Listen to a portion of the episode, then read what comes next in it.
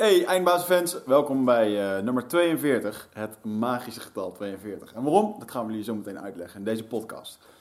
Uh, deze podcast die staat eigenlijk centraal om onze online training 12 Waves. Degenen die onze Facebook volgen, die zullen dit vast al een keertje gehoord hebben. En ook in de podcast hebben we het er uiteraard over gehad.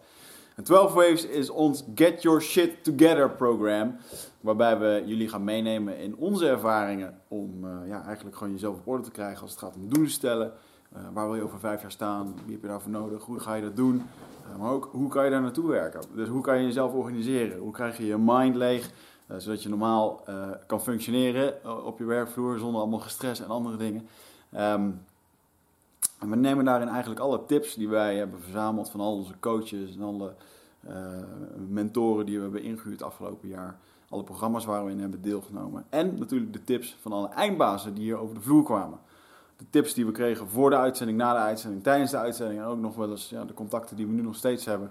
Ja, die zijn gewoon onwijs waardevol voor hoe wij onze bedrijven runnen. Meerdere bedrijven, een podcast, ook nog een keer een privéleven. En je zal horen in deze podcast dat we het eh, best wel druk hebben. En ja, toch krijgen we het gedaan. We krijgen onszelf georganiseerd. En ja, wij weten zeker dat uh, dit protocol, want zo noemen wij het, uh, je onwijs gaat helpen bij het behalen van jouw eigen doelen. En daarmee dus een gelukkiger uh, leven kan gaan organiseren voor jezelf. want uiteindelijk wil je ehm, ja, gewoon voortgang kunnen meten. En voortgang kunnen boeken. En aan het einde van de rit wil je zeggen: I fucking did it. And I made my own movie uh, to a great reality. En ja, ik zou zeggen, ga gewoon de podcast luisteren. En uh, kijk eventjes bij ons op de website 12-waves.nl voor meer informatie. Onze cursus die start op 1 juli. Dus als je mee wil doen, dan moet je snel zijn. Uh, maar luister eerst eventjes de podcast of het wel wat voor jou is. Ik denk het van wel. Deze podcast wordt mede mogelijk gemaakt door Nutrofit. Ga naar nutrofit.nl en werk daar met de kortingcode EINDBAZEN. En dan krijg je korting op, uh, op alle supplementen die je zonder risico kan kopen. Vind je niks, mag je terugsturen. En alles om aan je vitaliteit te kunnen werken. Wordt ook in deze podcast besproken. Hoe kan je dat nou doen? En wat is belangrijk voor je vitaliteit? Natuurlijk goed eten. Dus uh, de basissupplementen, die, uh, zoals bijvoorbeeld een visolie of eiwitten, die kun je allemaal daar halen. Check it out. Heel veel plezier met deze podcast. Dankjewel. Eindbazen wordt gesponsord door Nutrofit. De webshop voor natuurlijke voedingssupplementen en trainingsmaterialen die je helpen bij het verkrijgen van Total Human Optimization. Nutrofit is hofleverancier van merken zoals Onnit, Natural Stacks en Bulletproof Coffee. Probeer onze producten zonder risico door onze money back guarantee. Bezoek ons op www.nutrofit.nl. Bestel je voor 9 uur s avonds, dan zorgen wij dat jouw bestelling de volgende dag geleverd wordt.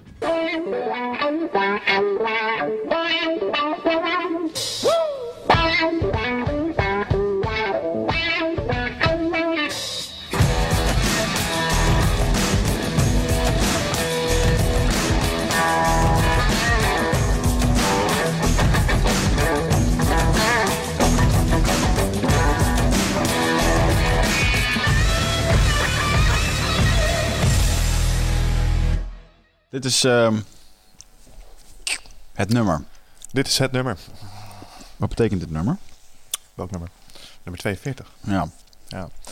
Misschien is het goed om daarmee te beginnen. Hè? Mm -hmm. um, het nummer 42 is um, het antwoord op de ultieme vraag over het leven, uh, het universum en alles. Het enige probleem is alleen, we zijn de vraag vergeten. Hoe... Waar komt dit vandaan? Dit is een... Uh... Het is ook echt zo, als ik nummer 42 google... Dan... Dat is dan het eerste wat er staat, hè? Wikipedia. What the fuck, inderdaad. Ja, oké. Okay. Nou ja, uh, luister. Ik ben, um, zoals sommige luisteraars misschien wel of niet weten... ik ben diep in mijn hart uh, ben ik een IT'er. Ik ben een, uh, iemand die, nou ja zijn sporen heeft verdiend uh, in de ICT. Uh, en uh, ja, zoals menigeen wel weten, de ICT kent zo zijn eigen cultuur. En um, een van de dingen die erg populair is daar, is een boek van Douglas Adams. En dat is The Hitchhiker's Guide the Galaxy. En dat is een boek. En dat gaat over het feit dat de aarde wordt vernietigd... omdat er een intergalactische snelweg moet worden aangelegd. En één aardling wordt meegenomen door een buitenaards wezen... op een soort ja, Hitchhiker's Guide for the Galaxy. Mm, en centraal in dat verhaal is dus nou ja, het antwoord op de ultieme vraag over het leven, het universum en, ander, en alles. Uh, en het antwoord daarop was dus uh, 42. Alleen men was dus inderdaad de vraag vergeten. Um, en in het boek komen ze tot de conclusie dat het ook niet mogelijk is om het antwoord en de vraag in hetzelfde universum te hebben, want dan wordt het universum vernietigd en moet er een ingewikkelder universum worden gemaakt. Dat is eh, de essentie van het boek. Makes, makes sense. Ja. O- Oftewel oneindigheid.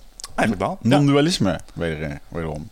Nou ja, goed. En ehm, omdat we natuurlijk met eh 12 Waves zijn gestart. En 12 Waves mede om die reden als een soort easter egg eigenlijk ook uit 42 stappen eh, bestaat. Leek het ons ook wel mooi om podcast 42, in het kader van een eh, stukje synchroniciteit, ehm, daarvoor te gebruiken om daar eens met jullie over te praten. Ja. Dus ehm, Wat is Ja. 12 Ways? Ja, 12 wat Ways is jouw kindje eigenlijk. Ja, eigenlijk wel. Nou ja, ja wat is het? Ehm, we noemen het nu het, eh, het, het 12 Waves protocol. Het heeft veel namen gekend. Het heeft een aantal iteraties gekend. We hebben het ooit nog een keer het Zen-protocol genoemd. Toen we daar Mm. ooit mee zijn begonnen. En wat het, wat het eigenlijk is, is een soort... Ja, het is een raamwerk. Het is een, eh, een framework. Eh, Als ICT'er ben ik gewend om te denken in raamwerken en systemen en modules en dat soort dingen. En ehm, nou ja, de laatste paar jaar zijn jij en ik natuurlijk eh, best wel bezig geweest met het vormgeven van ons leven. In een stukje ondernemerschap, maar ook in een stukje werk-privé-balans, in een stukje zingeving binnen ons leven. Mm. En ehm, nou, we hebben wel gemerkt dat dat moeilijk is. Ik bedoel, dat is echt niet makkelijk. En ehm, op het moment dat je daarmee bezig gaat, eh, merk je al redelijk snel dat je daar toch wel hulp bij nodig hebt. Dus sommige dingen kun je gewoon als mens niet meer uit je hoofd. Of eh, het kan geen kwaad om gestructureerd over sommige dingen na te denken. En er zijn een heleboel mensen eh, die je daarbij helpen. Soms gratis, soms met allerlei programma's. En ik denk dat we wel kunnen zeggen dat jij en ik nou een heleboel van die verschillende systemen geprobeerd hebben over de loop der tijd. Kun je er eens een paar noemen die jij, Nou, waar jij veel aan hebt gehad? Ja, ehm, ik ben natuurlijk begonnen met ehm, Getting Things Done Mm. als eh, methode. Ik bedoel, we hebben hier David Allen in de studio gehad in podcast 40. Eh, vertellen we ook eigenlijk op hoofdlijnen wel iets over 12 heeft gedacht goed, maar dan gaan we ook best wel diep in over Getting Things Done. Dat is een hele mooie methode die mij veel heeft gebracht om grip te krijgen op mijn werk. Ja. Ehm, en een beetje controle op de war, eh, ja, de weerwar die zo af en toe in mijn hoofd speelde. Dus dat was heel erg prettig. Mm. Maar ehm, dat was een goede manier om grip te krijgen op acties en op dingen in je hoofd. Maar er waren ook dingen die ik nodig had om op een eh, langere termijn eh, iets meer structuur aan het verhaal te geven. En nou, ik zei het al, ik ben een ICT'er en daar werkten we met zaken als bijvoorbeeld Scrum. Ah ja. Ja. Ja. wat natuurlijk ehm, eigenlijk denken in iteraties is.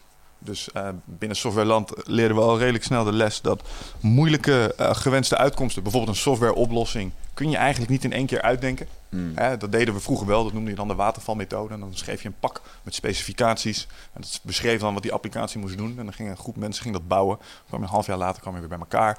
Eh, en dan kwam je tot de conclusie dat ze echt iets compleet anders hadden gebouwd als jij had verwacht. Ja. Ehm, en dat zit hem in het feit dat mensen pas weten wat ze willen als ze het zien. Eh, en het antwoord binnen softwareland daarop was... werk nou eigenlijk gewoon in kleine iteraties, werk incrementeel. Ja. Ehm, en toen dacht ik, hé, dat ehm, zou eigenlijk ook best wel handig zijn... eh, op het moment dat je aan jezelf aan het werk bent. Hè? Dus eh, gewoon werk in incrementen. Werk in, eh voortschrijdend inzicht is een ding. Je ziet heel vaak dat op het moment dat mensen met allerlei dingen aan de slag gaan... hebben ze een heel plan gemaakt. En dan maken ze de eerste twee stappen. Ja. En dat plan, dan kwam ze, oh, oh shit, eh, er verandert iets. Of hey, weerstand waar ik het niet verwacht. En dan moeten ze het hele plan weer op de kop gooien. Ja. Ja, dat is niet heel handig. Ik denk dat je wel moet bepalen welke kant je ongeveer uit wil en wat je wil bereiken. Maar dat je wel met een systeem moet werken dat daar rekening mee houdt. Nou, de Scrum was daar een hele mooie voor. Mm. En ehm, nou, vervolgens kwam ik vanuit IC2 kwam ik er nog een aantal op het spoor. Eh, bijvoorbeeld Kanban. Kanban is ook een methode die eigenlijk in incrementen werkt. Dingen terugbrengen naar eh, simpele prioriteitenlijsten op basis van veel impact. Ja. Ehm, en dingen als Kaizen. Dat, wat ook managementmethodes zijn die eigenlijk zeggen... joh, probeer geen Big Bang implementaties te doen. Die werken niet. Probeer het elke dag 1% beter te doen. En werk in een systeem wat eigenlijk... Ja, een protocol dat continu je waarde probeert te verbeteren. Dus, Ja. nou, dus daar zaten een aantal zaken in eh, die ik... waarvan ik dacht van... hé, maar dit is ook wel toepasbaar. Dit is niet alleen in softwareland toepasbaar. Mm. Dit is op allerlei zaken toepasbaar. Bijvoorbeeld ook op projecten of dingen van zelfontwikkeling. Ja, als ik kijk naar jou, ehm, dat is wel grappig, want ik heb dan wel weer, ik ga echt naar de, het liefst naar de guru toe om eh, daar een cursus te volgen. Eh, om vervolgens even wat geld te betalen om een aantal weken onder handen genomen te worden. Hm. Ehm, ik denk dat mijn nou grootste turnaround daar, en nou, Getting Things Done, daar hebben wij elkaar eigenlijk wel in gevonden al en eh, dat we dat eh, inderdaad deden. Dus dat, eh, dat zit gelijk. Eh, voor mij was het op een gegeven moment wel eh ja, Michael Pelagic, die natuurlijk in de studio is geweest. Ja. Dat een jaar of eh, drie geleden.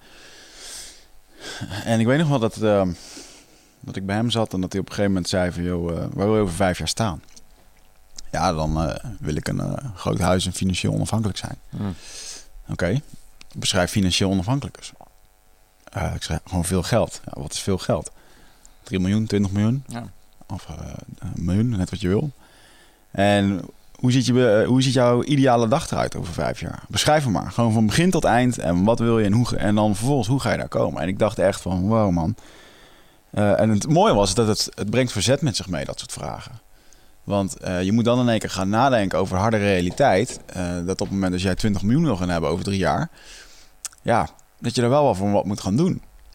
En ik merk het toch wel, uh, ik merk nu ook steeds wel als ik wel eens met mensen aan het, aan het spreken ben of ik doe eens een keer een coachinggesprek, dat mensen het eng vinden om daar naartoe te werken. Iedereen mm -hmm. wil wel wat, maar uiteindelijk is die stap er naartoe van hoe gaan we dat doen is onwijs moeilijk. En ik vond dat Michael heeft me daar wel onwijs mee uh, op de weg gezet met uh, ja, heldere doelen stellen en ook gewoon vraag gewoon vijf keer hoe ga je dit doen, weet je, dat je iedere Mhm. keer tot de kern komt. En daarnaast ben ik uh, ik was toen ontzettend veel met marketing bezig, natuurlijk ook met mijn marketingbedrijf. Dus ik heb toen besloten om uh, marketing. Uh, ik heb een half jaar bij Lewis House in de leer gezeten. Dat is wel echt een beetje de nummer één social media marketeer in, in Amerika. Een van de. Heel groot met webinars en met lead building. En dat was een onwijs goede cursus. Ook over hoe je jezelf moet organiseren, hoe je je marketing optuigt. Wel heel Amerikaans. Dus ik vond het soms voor Nederland niet helemaal toepasselijk. Maar het heeft me wel onwijs geleerd om ja, grootste denken. En het allerbelangrijkste is om toch gewoon uh, waarde te kunnen leveren Hm. met het product wat je levert. Dus dat was een mooie, echt specifiek op marketing. Uh, Brian Tracy is er ook nog een eentje. Dat is denk ik wel een beetje de bekendste ja, marketing management, nee, de, de management guru en persoonlijk leiderschapsguru van Amerika. Ja. Op dit moment. Oudere kerel heeft onwijs veel gedaan, maar echt super goede dingen. Over publiekelijk spreken, over uh, ook heel veel over het organiseren van jezelf. En het mooie is dat ik eigenlijk op hem kwam door uh, een andere, de laatste die ik hier aan toevoeg, en dat is Elliot Huls. Dat is uh, de, de fitness en fitnessguru van Amerika op Mm. YouTube. Um, Waar ik van denk van wauw, die gozer die heeft het best wel goed voor elkaar. Uh, doet het helemaal op zijn eigen manier. En ik, hij refereerde vaak naar die Brian Tracy. En dat waren gewoon de basiscursussen over ja, hoe communiceer je, hoe uh, zorg je dat je s ochtends je dingen gedaan krijgt. Mm. En dat je eerst je, je moeilijkste taakje doet en dat soort dingen. En toen dacht ik echt van jezus man, eigenlijk doet iedereen gewoon hetzelfde. Ja. Iedereen heeft het uit een aantal boeken. Een daarvan is net opnieuw uitgebracht trouwens door Michael Pelagic. Die uh, Think and Grow Rich. Ja. Het is, het, weet je, niemand hoeft het maar uit te vinden. Er is gewoon een blauwdruk voor. Nou ja, dat is de grap, denk ik. Hè. Ik heb een keer een hele mooie uh, quote gehoord in een... Uh, volgens mij stond dat in het boekje uh, op de cover van Men's Health in 100 dagen. Daar is ooit een keer mijn fitnessreis begonnen, zeg maar. En daar stond een quote in en die vond ik eigenlijk wel mooi. Daar stond in, er zijn miljoenen methodes, maar er zijn slechts enkele principes. Mm. En wat daar eigenlijk mee wordt gezegd, er zijn een aantal basisprincipes binnen de fitness en die telkens weer worden herkoud, zoals eiwitrijke diëten, train met overload. Maar iedereen gooit er telkens zijn eigen sausje overheen, waardoor het net weer een iets andere methode wordt. Maar ze roepen dezelfde basisprincipes aan. Ja. En ik denk dat het, als het om persoonlijke ontwikkeling gaat, dat dat net zo is. Ja. Ik denk dat er gewoon een aantal core concepts in zitten. En als je die eruit weet te halen, dat je eigenlijk die dingen hebt die ja, de meeste impact hebben. Ja. En dat is eigenlijk ook een beetje de reis die we, de, denk ik, de laatste jaren hebben gemaakt met elkaar. En de analogie die ik daar wel eens mee maak is... en ik denk dat jij en ik daar het voordeel hebben... dat we uh, de achtergrond hebben, sportief gezien, die we hebben. Namelijk het Brazilian Jiu-Jitsu. Um, want wat vind ik zo mooi aan Braziliaans Jiu-Jitsu? Um, dat is een vechtsport die zo lean is dat ze alle dingen die niet werken, alle vage, zeg maar, staande arm- en polsklemmetjes die in traditionele vechtsporten wel worden gedoseerd, maar waarvan we met z'n allen, als je hè, full contact vechtsporten doet, weet dat ze niet zo heel praktisch zijn in de praktijk. Dat hebben ze gewoon uitgehaald. Ze hebben het systeem uh, zo lean mogelijk en ze zijn gewoon gaan draaien. Ze zijn gewoon wedstrijden gaan vechten, vechten, vechten, vechten. En alles wat niet werkte, gooiden ze eruit. En alles wat wel werkte, hebben ze geperfectioneerd. Mm. Met als gevolg dat zij een systeem hebben wat gewoon altijd eh, voor de zo snel mogelijkste uh, voortgang gaat tot het verslaan van je tegenstander. Want dat is wat BEJ in principe doet. Mm. Nou, en als je het stapje maakt naar mixed martial arts, gebeurt er eigenlijk hetzelfde. En dan kijken ze over alle stijlen heen. Wat werkt er het best? Oh, die frontkick uit het karate werkt mooi. Uh, de hielhoek uit het taekwondo is perfect. En de knie uit het muay thai en een elleboog uit de muay die doen het ook goed. Dus ze pakken die technieken die werken. En ze gaan daar telkens voor een concept, want je vergeet een aantal uh, gurus, denk ik, die ook invloed op ons hebben gehad. Um, bijvoorbeeld Tim Ferriss. En wat Tim Ferriss mij heeft gebracht, is het concept van minimal effective dose. Hmm. Dat, ook in software, toen ik nog eh, software bouwde, heeft me dat. eh, is het eigenlijk als je een, so- als je een software engineer bent of je bent iemand die productontwikkeling doet, je minimal viable product. Dus wat is het minimale wat je nodig hebt om te slagen hierin? Ja. Minimal effective dose. En, ehm, Ik had Tim overigens niet genoemd, omdat we daar eigenlijk nooit persoonlijk contact mee hebben gehad. Dan moet ik Ja, eerlijk zeggen, van Brian Tracy heb ik dat ook niet gehad, maar die anderen dan wel. ja, maar zijn eh, boeken zijn wel onmiskenbaar een, een invloed geweest op de manier van denken. Ja, nee, maar kijk naar onze ontwikkeling met Nutrifit en hoe dat geautomatiseerd is. En Ja. dat is helemaal gebaseerd op zijn principes, zeker Ja. weten. Ja. Maar goed, eh, vanuit dat perspectief, dus wat is het minimale wat nodig is om effect te sorteren? Tim doet dat in zijn boek eh, The 4-Hour eh, Body, vertelt hij daar over iets dat heet Occam's Protocol. En dat is eigenlijk de meest simpele manier om in lichaamsgewicht aan te komen en spiermassa te genereren. Dus wat is het minimale wat ik moet doen om dat te bereiken? En dat is een bepaalde manier van kijken naar een probleem. En ehm, dat werkt voor fitness, maar dat werkt ook voor persoonlijke ontwikkeling. Dat werkt voor persoonlijke effectiviteit. Dat werkt voor uitstelgedrag. Je kunt dus die dingen eruit halen die effect hebben. Zijn dat de enige dingen die effect hebben? Nee, natuurlijk niet. Maar dit zijn wel de zaken die het meest doen in dat opzicht. Ja. Nou, dus vanuit dat proces ehm, zijn we met name het laatste jaar bezig geweest om dat natuurlijk eens op, op papier te gaan zetten. Eh, hoe, hoe ziet zo'n raamwerk er dan uit? En wat zijn dan die onderdelen die je moet raken om over de linie heen ehm, nou, het meest succes of het meest effect te sorteren? Omdat we hebben het nu heel erg gehad over eh, de mentale kant van het verhaal. Maar ik denk dat een van de krachten van eh 12 Waves ook is, is dat het uh, beduidend ook inzoekt op het biologische kant van het verhaal. Uh, Ik zeg altijd, joh, uh, de meeste mensen die ik begeleid in die masterclasses zijn mensen die werken met hun hoofd, informatiewerkers. Ja, weliswaar, het komt door je vingers naar buiten, weet je wel, als je het inramt op het keyboard, maar in principe werk je met je hoofd. Ja. En je hoofd zit vast aan je lichaam. Dus ik denk dat als je goed voor dat lichaam zorgt, dat dat effect heeft op hoe je je voelt in dat hoofd. Makes sense, nou? Ja. Dus ik denk ook dat je op het moment dat je aan het kijken bent naar je succes realiseren, dat je moet gaan nadenken over, maar hoe zorg ik er nou voor dat ik die biologie en die energie die dat genereert, uh, optimaliseer. Dus het is ook een pleidooi uh, en een aantal handvatten om ervoor te zorgen dat je in vorm raakt. Hè, we noemen het wel eens gekscherend het get your shit together protocol. Mm. Omdat het op alle facetten van je leven eigenlijk gewoon een stukje ownership vraagt. Zeg, oké, okay, maar als dit is wat je wil, dan is dit wat je moet doen. Dus ga bewegen, zeg ja. maar. En leg het vast en on ondersteun jezelf in het organiseren van het daadwerkelijk gaan doen. Door met takenlijsten te werken en niet op je hoofd te vertrouwen. En tijd te allokeren mm. en misschien mensen om je heen te organiseren om je te helpen. Maar onder de stream gaat het maar op één ding. Namelijk jezelf dat wat het ook maar is, wat je wilde bereiken, dat je tegen jezelf zegt: ik ga het nu doen. Ja. En als je dat hebt gezegd voor jezelf, oké, okay, ik wil het nu echt, wat het ook maar is, hè, fit worden, een stukje ondernemerschap, een opleiding afronden, um, go-getter worden in je huidige baan. Ja, het, het maakt mij helemaal niet uit, wat het ook maar is. Uh, verlicht raken. Het is onder de streep allemaal terug te brengen op een aantal stappen die moeten worden uitgevoerd. Mhm. Mm -hmm. En dat is waar 12 Waves je eigenlijk bij helpt. Ja, want ik heb er zelf altijd wel gemerkt dat natuurlijk veel cursussen gedaan. En uh, uh, zoals Remco Klaas hier ook in de studio zei, dat er is niet één antwoord. Er is niet één blauwdruk die het is. En er zijn altijd cursussen die op een bepaald moment in je leven uh, van invloed kunnen zijn. En ik denk ook omdat dit 42 stappen zijn, hey, al die 42 stappen, ze zullen echt niet allemaal voor je gelden. Als jij wel flink sport en je zit er lekker in je vel en je doet wat je wil, wil ja. is dat misschien minder belangrijk voor je. Maar op het moment dat jij gewoon chaos bent in je hoofd en dat je niet weet hoe je jezelf moet organiseren, als je ochtends wakker wordt en het eerste wat je doet is uh, een uur lang op social media kijken.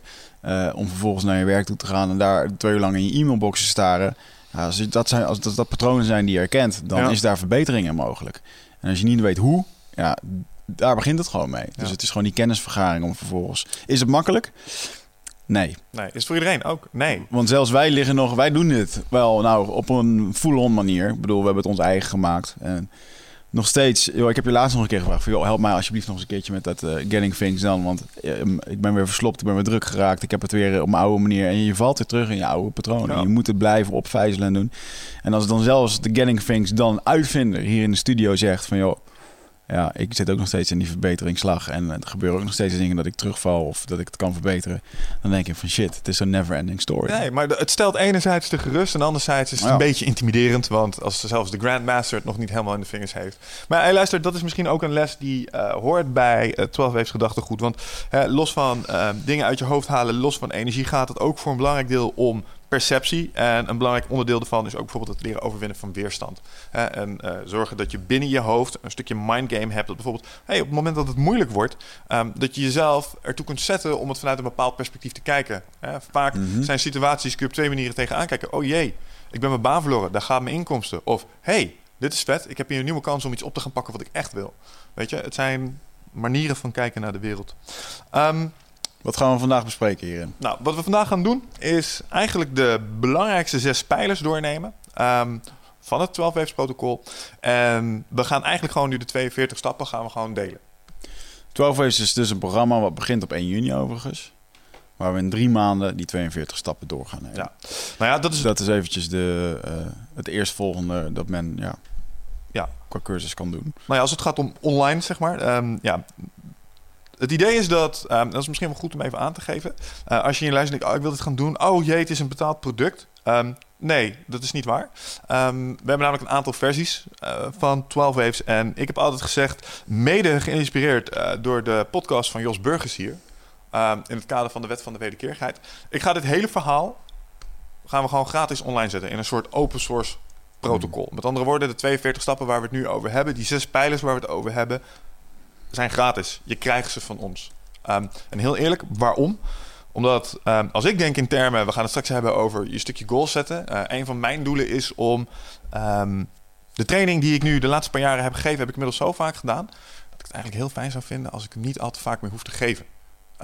Want ik merk dat ik het allerleukste vind om te werken met mensen die de training hebben gedaan, eh, het verhaal hebben geïmplementeerd en geïnternaliseerd en dan aan het worstelen zijn. Dat vind ik het allerleukste om met die mensen aan de slag te gaan. Want dat zijn mensen die hebben echt gekozen, die hebben commitment getoond, die, die willen het doen. En met die mensen aan de slag, dat vind ik het allerleukste. Dus dit is ook voor mij een soort opstap om ervoor te zorgen dat mensen een bepaalde basiskennis zal hebben. Weet je wel, common sense moet common practice worden. En als jij je common sense helemaal op- eh, up-to-date hebt, dan vind ik het allerleukste moment om met je aan de slag te gaan. Dus dit is ook zeg maar om ervoor te zorgen dat er een bepaalde basiskennis is. Eigenlijk Ja. willen we ook bijdragen aan de collectieve kennis van de mensheid. Dus je kan je op 12waves.nl inschrijven voor een e-mailcourse. En dan krijg je al deze 42 stappen krijg je gewoon uitgebreid toegelicht. Per mail kun je die ontvangen.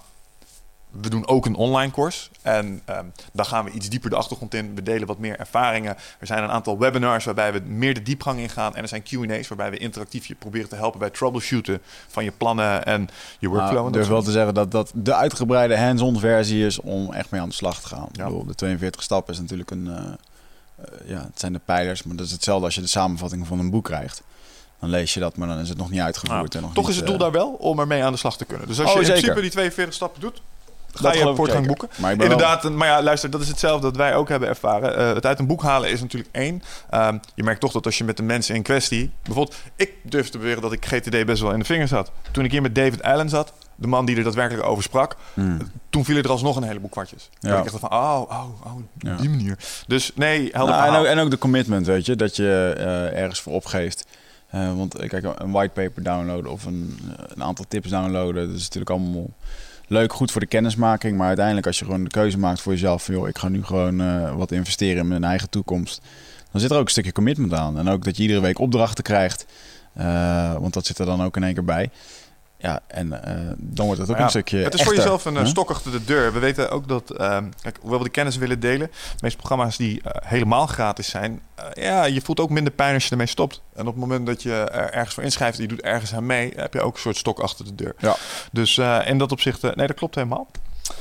Als het dan gaat om het systeem, dan zou je kunnen zeggen dat 12 Waves ehm, een viertal thema's raakt, waar we het over hebben gehad. En die viertal thema's zijn effectiviteit, leiderschap, vitaliteit en mindgame. En in die vier kwadranten zitten zeg maar technieken, handvatten, eh, mindset dingen die eh, over de zes pijlers waar we het nu over gaan hebben verdeeld zeg maar die minimal effective dose vertegenwoordigt. Dus dat zijn de technieken waarvan wij hebben gehad, hey, dit heeft effect gehad voor ons, dit heeft ervoor gezorgd eh, dat wij daadwerkelijk resultaat boekten. Dus dat we onze voortgang gingen boeken. Yes. Yes. Nou, het zijn op zich geen ehm, hele ingewikkelde stappen. Laten we dat ook voorop stellen. Ik zeg altijd binnen mijn masterclasses begin ik altijd met deze hele training is één grote open deurenparade. Alles wat ik je nu ga vertellen wist je stiekem eigenlijk al wel. Je deed het nog niet. Misschien sommige dingetjes. Maar ergens weet je wel, ja, this makes sense om te doen. Het is heel intuïtief. Ehm, dus het is niet heel ingewikkeld. Het is alleen een kwestie van structureel en consequent toepassen. Nou, de zes pijlers zijn in dat opzicht ook niet heel ingewikkeld. Het is één goal setting. Mhm. Je moet weten waar je naartoe gaat. Dus je moet gaan bedenken, oké, maar wat is het nou wat ik echt precies probeer te realiseren? Daar gaan we zo iets, eh, iets dieper op in. De tweede is workflow. Uh, mijn frustratie was altijd dat ik heb veel van die trainingen zelf ook gedaan waar we het over gehad hebben. En dan heb je een prachtig plan liggen. Uh, naar aanleiding van ben je helemaal geïnspireerd. Alleen dan komt het, gaat het over tot de uitvoer. En dan merk je altijd dat het sneuvelt. Omdat het te druk wordt. Andere dingen aan je trekken. Geen energie, moe. Weet je wel, motivatie, twijfel. Nou, dat moet je borgen in een proces. Gewoon in workflow. Um, Stap 3 is het leren werken in golven. Het heet 12 waves met een reden. Ik denk dat er een um, ja, wave-like nature of effort is. Hè. Als je kijkt als mensen inspanning leven, is het altijd inspanning, rust, inspanning, rust. Um, dat is ook wat Scrum ons leerde, zeg maar. Dus werk in incrementen. Als je die twee dingen combineert met In elkaar. stapjes, dus. Wat zeg je? In stapjes. Ja, in stapjes. Uh, maar Voor ook, de mensen die geen Engels kunnen. maar ook, nee, maar meer dan dat, meer dan in stapjes. Maar ook snappen dat er een piekinspanning is en dat er altijd rust moet zijn. Als sport ons iets geleerd heeft, dus de kennis die we hebben opgedaan in sport, is dat adaptatie plaatsvindt in de rust. Je wordt niet sterker als je aan het trainen bent, je wordt sterker in die dagen erna terwijl je aan het uitrusten bent. En ik denk dat dat voor, uh, zeg maar, informatiewerk, dus werk in je hoofd, ook zo is. Dus dat zit er ook in. Um, vier is het omgaan met weerstand. Uh, weerstand in mentale zin. We weten allemaal dat we, um, ik heb een heleboel mensen hierbij begeleid, hadden uh, al deels best wel goede systemen staan met takenlijstjes. Mm. En dan heb je die takenlijstjes voor je neus staan. En dan ben je alsnog niet aan het doen wat je moet doen. Hè? Of uh, dan heb je een reminder voor jezelf ingepland. Werk aan die presentatie en dan komt de reminder pop-up. En dan steek je middelvinger op en dan ga je alsnog weer terug naar het internet om iets anders te doen als ja. de bedoeling was. Dat heeft elk mens. Um, maar er zijn een aantal dingen die je kunt doen en organiseren om dat te verminderen. Dus uh, we gaan in, in op dat concept weerstand, dat is vier. Dan hebben we vijf. En dat is eigenlijk intervisie. Um, en dat komt neer op mensen om je heen organiseren die jou gaan helpen bij het behalen van je doelen. Um, wat is er leuker als uh, nou ja, uh, doelen behalen, samen doelen behalen? Uh, en wat is er nou sterker als samen met mensen om je heen um, structureel toewerken naar iets en op het moment dat je het moeilijk hebt, ook gewoon steun van ze kunnen krijgen? Of op het moment dat het heel goed gaat, het kunnen delen. Dus dat is een onderdeel erbij. En dan hebben we de laatste stap en dat is eigenlijk het optimaliseren van je fysieke en mentale energie. We korten dat gewoon even af naar energie. Um, en dat gaat eigenlijk om een stuk bewustwording als het gaat om um, stress. Stress is echt een killer als mm. het gaat om energie. We hebben dat beide aan de lijve ondervonden. Want yes. in het proberen te realiseren van onze dromen...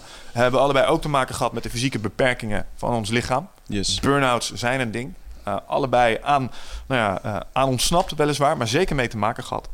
Um, en als het gaat om energie, uh, moeten we het ook hebben over dingen als training, voeding, ademhalingstechnieken en een stukje mindfulness. Omdat onder de streep gaat het natuurlijk maar op één ding. Laten we daar ook over duidelijk zijn. Je moet het gewoon doen. Just fucking do it. Dat is wat het inhoudt. Maar om het te doen heb je energie nodig. Ja. En ik denk dat je over meer energie beschikt als jij attent en goed omgaat met je voeding, met je lichaamsbeweging, uh, met je ademhalingstechnieken.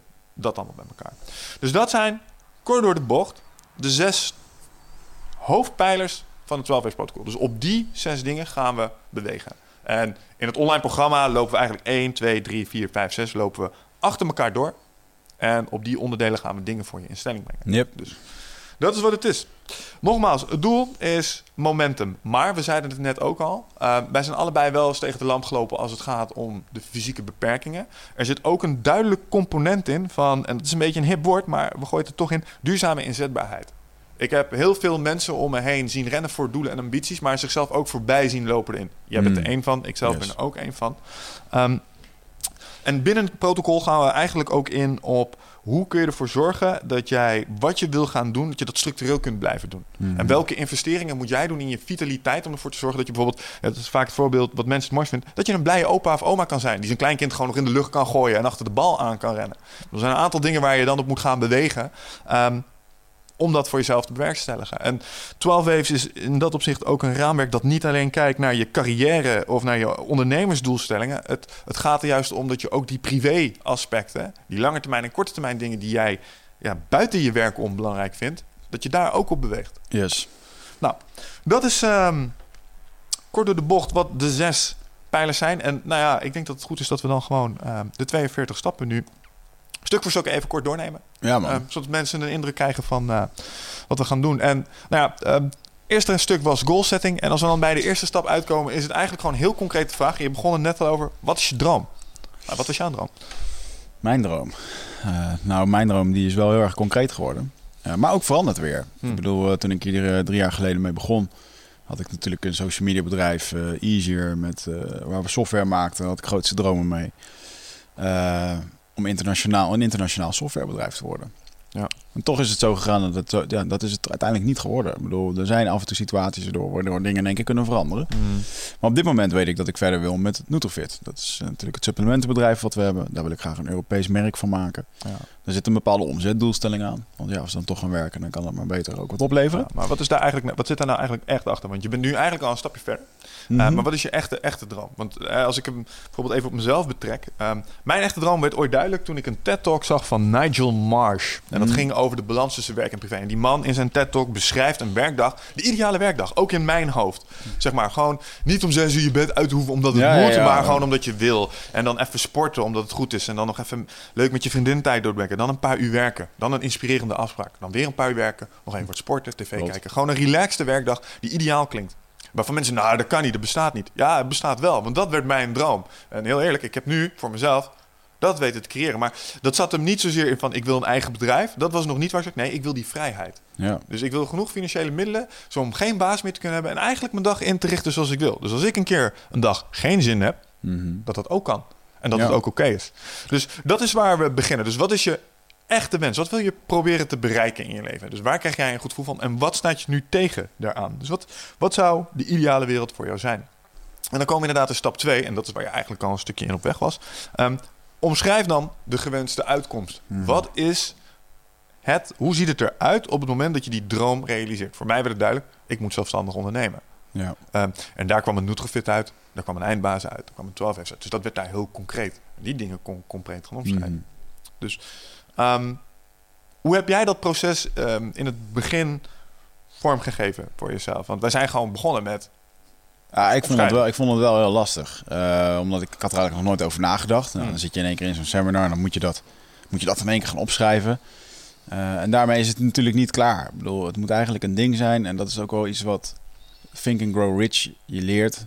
Is dat het, je moet het, je moet het dromen. Je moet het Mhm. weten. En je moet blijven tekenen, letterlijk uittekenen hoe dat jouw toekomst eruit komt te zien. Ja, wil je een, een huis in een bos? Wat voor huis? Wat voor kleur? Wat Mhm. voor, eh, hoe groot moet het zijn? Eh, moet het leenstaand zijn? Eh, noem het maar op. Ja. Het moet echt tot in detail. En dat is ook weer een beetje die, die, dat mooie vind ik daar. Ik geloof daar heel erg in de wet van attractie. Want op het moment als jij gewoon heel specifiek wat jij wil. Als jij heel erg specifiek naar een auto aan het zoeken bent. En een rode eh, Volvo. Dan zie je de, een hele dag, dan zie je de hele week rode Volvo's bij wijze van spreken rondrijden. Waarom? Omdat het in één keer opvalt. Ja. Alles komt op je af. En dat is nu ook, ik heb het zelf weer aan de lijve ondervonden. Ik heb 3,5 jaar gewerkt aan, een, eh, aan, die, aan, die- aan Easier als softwarebedrijf. Ik had er best wel moeite mee om de afstand van te nemen.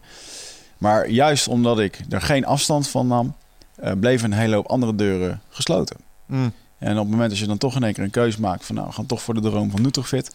Wauw man, dan komen in weken komen in één keer zoveel dingen op je af. ja. En dat is super mooi. En dus dat proces is ook continu om dat telkens bij te blijven schrijven. Ehm, want hey, eh, ja, je hebt ook een privé eh, doel. Eh, er 100%. komt een relatie bij. Ja. Nou, nu, nu heb ik dan in één keer een relatie. Maar hoe gaat die relatie er over vijf jaar uitzien? Dat zijn allemaal dingen om eens goed over na te denken. Wat wil je? Wat zijn je gezamenlijke doelen? Ehm, en wat, ik vind het eigenlijk heel erg leuk om ermee bezig te zijn. En dan wordt het ook in één keer leuk dat op het moment dat jij dingen op gaat schrijven, dat het in één keer eh, uitkomt. Toevallig gisteren nog een filmpje dan bij Eindbazen gepost. Dat ik deze week had ik gewoon zo'n kikkerweek. Mm, Eh, wow, man, er zit hier een of andere Peruaanse shaman in de, in de podcast. Eh, we doen onze Engelstalige podcast. Eh superleuke tijd met mijn vriendin. Allemaal leuke dingen aan, samen aan het ondernemen. Eh, met bedrijven loopt het lekker. Je zit lekker in je vel. Je voelt je gezond. En dan denk ik in één keer van... Wauw man, dit, dit is hetgene wat ik twee jaar geleden heb opgeschreven. Yeah. Nou, maar goed, dat is dus ehm, exact ehm, het punt wat ik wil maken. Is op het moment dat jij een aantal van die dingen op papier gaat zetten, dan gaat het zich op een of andere manier. eh, zorgt dat voor mentaal voor een bepaalde focus en een Hmm. bepaalde richting. Ehm, we komen zo meteen bij het stukje filmscript. Ik heb ooit eens een keer een filmscript geschreven, een paar jaar geleden. Dat is nu ook allemaal uitgekomen. Maar ik zat te denken. ehm, ik heb ooit Mixfight gehad, weet je nog? Hmm. Ik kwam laatst. Dat was, voor de luisteraars die het niet kennen... Ja, mixfight.nl was een, eh, eh, is eh, de grootste website binnen Europa als het gaat om vechtsport en eh, mixed martial arts. Ehm, ik was altijd een van de eigenaren daar. En ik heb ooit nog eens een keer, en hij is misschien wel te vinden als je erop googelt, een Prezi-presentatie gemaakt over ehm, waar wij potentieel business vandaan zouden kunnen halen met mixed fight destijds. Hmm. Nou, dat had niet het groeipotentieel, omdat vechtsport dat is een moeilijke sector. Dat is een verhaal op zich. Ehm, maar daar stonden een aantal dingen in. En ik heb hem laatst nog onder ogen gehad. Een supplementen webshop. Een podcast. ehm videocontent. eh, een academy. En als ik erover nadenk, dat is ongeveer zes, zeven jaar geleden. Ja. En al die dingen die beginnen nu gewoon echt waar te worden. Dus daar is een soort gedachteproces ontstaan. En daar heb ik het eens een keer op papier gezet. En dat heeft dus blijkbaar ehm, ja, een bepaalde trigger in mijn hoofd gezet... die ervoor zorgt dat hey, als ik keuzes maak, moet het blijkbaar die kant op. Dus er is richting bepaald. Ja, en- en een mooie vind ik er ook van dat het inderdaad... Toen heb je het geschreven voor dat doel. Eh, maar het mooie is dat het, eh, eh, het lijkt alsof het universum je dan zo stuurt. Maar ehm, uiteindelijk is het dus niet op dat punt uitgekomen, maar Nee. komt het andere punt. En ik heb hetzelfde bijvoorbeeld met... Ik zou heel graag voor tienduizenden mensen een keertje publiekelijk willen spreken. Ja, ehm, vroeger was je gebonden aan een stadion. Nu heb je een podcast en dan bereik je een half miljoen mensen. En we zijn ook weer twee jaar verder. Dus het manifesteert zich toch op een of andere manier. Weet Alleen je? niet altijd op de manier waarop je verwacht. Ja. En dat is, dat is misschien wel het leuke. Zo af en toe dan denk je van... oké, oh, hier nam het een wending die ik niet helemaal zou aankomen. Maar het is wel precies wat we in gedachten hadden. Mm. Nou, goed. Ehm, dus het gaat erom dat je eh, de gewenste uitkomst omschrijft. Dus je moet, hè, er zit ook iets, en ik zou mensen ook adviseren, schrijf het met de hand. Ik ben de laatste tijd echt weer een transitie aan het maken naar handschrijven, omdat ik gewoon merk dat iets met de hand opschrijven doet iets in je hoofd. Ja, ik vind het ook het... eh, we hebben alle twee zo'n boek. Ik heb tegenwoordig het grote tovenboek. Ja, Mooi kafje. En dan schrijf ik alles in eh, qua al mijn visies en dingen. doktershandschrift. Doktershandschrift inderdaad. Maar gewoon alles wat... een juist in de rustmomenten, als ik bijvoorbeeld even in de trein zit of zo... er komen dingen binnen. Allemaal pagina's met dingen. En ja, weet je, het is ook gewoon fijn om dat af en toe eens een keertje... Als je het opschrijft, dan heb je het als het ware een soort van geïmprint. Yep. En vanaf daar gaat het alleen maar verder ontwikkelen. Dus eh, misschien zijn we wat oldschool in dat opzicht. ehm, maar terug naar het handschrijven, dat, eh, dat werkt heel goed. Hmm. Ehm, brengt ons bij de, eh, bij de derde stap. En dat is ehm, concretiseer. Eh, maak een vision board. Met andere woorden, het is goed om het opgeschreven te hebben. Maar we denken ook in plaatjes. Want als we dingen opschrijven, omschrijven we eigenlijk plaatjes. Oh, we denken alleen maar aan plaatjes. Ja, exact. Eh, dus de opdracht is daar, heel simpel. Zorg dat je een mood of vision board maakt. Ga naar Pinterest. Eh, zorg ervoor dat je die toekomst die jij voor ogen hebt, bijvoorbeeld je zelfstandig ondernemerschap. Ik weet nog onze moodboards. daar staan kantoren met blije medewerkers in, weet je wel. Dat zijn wij Hmm. als zelfstandige ondernemers, maar ook vitaal, weet je wel. Dus al die aspecten, zorg ervoor dat je het visueel maakt voor jezelf. Want dat Ja. zijn de beelden waar je aan denkt op het moment dat het moeilijk wordt. Hmm. Ehm, heb jij een droomhuisje aan het bos? Verzamel mooie plaatjes. Hoe ziet dat eruit? Snap je? Zorg ervoor dat je het concreet maakt. En het zien is alweer iets anders dan het opschrijven. Yep. Ga desnoods tekenen, wat je dan net zelf ook al zei. Maar probeer het nog een graadje concreter te maken voor jezelf. Dus we gaan werken met vision boards en we nemen je in het protocol mee door hoe je dat het best kunt doen. Dan komen we bij stap 4 en dat is be the hero. En wat we daar eigenlijk mee zeggen is... ehm, Oké, nu heb je eigenlijk nu heb je opgeschreven wat je wil en heb je eigenlijk een soort van probleem voor jezelf gecreëerd. Want Mhm. je hebt iets opgeschreven en het is nog niet zo. Ehm, en nu heb je eigenlijk ook een soort commitment naar jezelf uitgesproken van ja, dit is wat het zou moeten zijn. Mhm. David Allen zei hier: de grootste frustratie bij een boel mensen is het niet nakomen van commitments aan zichzelf. Ja. Toch? En ehm, als je kijkt naar hoe mensen al generaties, echt duizenden jaren lang, informatie overdragen aan elkaar, dus kennis, ehm, maar ook informatie over nou ja, eh, zeg maar de planeet of hoe je dingen zou moeten doen, dan doen we dat in de vorm van verhalen. Mhm. Hè, storytelling. Storytelling is heel erg populair momenteel. Waarom? Omdat het inprikt op een soort primitief, eh, evolutionair systeem dat in je zit. Namelijk, wij zijn heel gevoelig voor verhalen. Yep. Als jij een goed verhaal hoort, dan kun je geëmotioneerd raken. eh, dan vergeet je het nooit meer. Je haalt de kernlessen eruit. En als iemand jou een inspirerend verhaal vertelt over waar die heen wil, dan raak jij ook gemotiveerd en wil je hem helpen. Dus verhalen zijn krachtig. Yep. En ehm, dat is één. Maar verhalen hebben ook de neiging om dingen even ehm, te kunnen omschrijven op afstand. En daarmee bedoel ik het volgende. Als jij, als ik jou vertel over eh, een issue in mijn relatie, dan is het voor jou vaak zo klaar als een klontje wat er moet gebeuren. Yep. Totdat je zelf in die situatie zit en dan is het denk je moeilijk. Yep. En dat komt omdat je het probleem op afstand oplost. Nou, dat kun je jezelf ook gunnen door te zeggen: oké, maar wat nou als ik de held was van een film? Dit zou een film zijn. Het is een filmscript. Eh, en we tunen nu in en we zien mij. Wat, wat gaat er dan gebeuren? We weten waar die heen moet. We hebben net omschreven wat het doel is. Hoe zou, als het echt een kikkerfilm was, actiecomedie, weet ik veel wat, Bad Boys 2, hoe zou dat eruit zien? Hmm. Misschien ga je wel voor iets meer dramatisch, theatraal, Se- Seven Years in the Bed, Tibet, ik weet het niet. Maar dat wat jou appelleert, dat wat resoneert bij jou, hoe zou die film eruit zien als jij dan aan het eind van de rit hè, op je sterfbed ligt, aan die apparaten, je gezin om je heen. Hoe, en je kijkt terug op je leven. Hoe ziet dat leven er Ja. dan uit? Maar het is gewoon wat, hoe wil je je eigen film creëren. En Juist. ik vind het mooi toen ik bij Elliot Hult was in, eh, in Londen. Toen eh, had hij het er ook over van, joh, je moet het allemaal zo'n zo'n vision board maken. En krijg dan eens voor jezelf duidelijk twee dingen. Eén, wat is jouw missie? Dat komt- slaat hier natuurlijk heel erg op. Wat wil je aan het einde van die film nou eigenlijk bereikt hebben? En het tweede ding, hoe ga je dat doen? Met welke mastery? Oftewel, waar ben jij nou zo goed in Mm. dat jij daar naartoe kan werken. Hè? Dus je kunt een missie uitdragen van ik wil de wereld, beter maken. Dat kan op honderd verschillende manieren. Uh, maar zijn mastery is gewoon fitness en strength coaching. Hij wil mensen beter maken. Ja. En zo simpel kan het zijn. En dat is voor heel veel mensen ook iets waar, uh, van ja, waar, waar ben ik nou eigenlijk goed in? En dat is eigenlijk niet eens echt de vraag. De vraag is, waar wil je heel erg goed in zijn? Dat is volgens mij wat wij uh, in de trainingen altijd het stukje find your greatness. Yep. Nou, het is heel simpel. Iedereen heeft kwaliteiten. Je kan het allemaal een rapportcijfer geven. Je hebt een aantal vijfjes, je hebt een aantal zesjes, je hebt zevens en je hebt achten. Hey, heel simpel. Probeer van die 7 en 8 en 9 en 10 te maken. Ga niet van je vijfjes, zesjes maken. Zorg ervoor dat je mensen om je heen verzamelt die daar toevallig weer achtens en negens in zijn. Hmm. Weet je, dat is de strategie.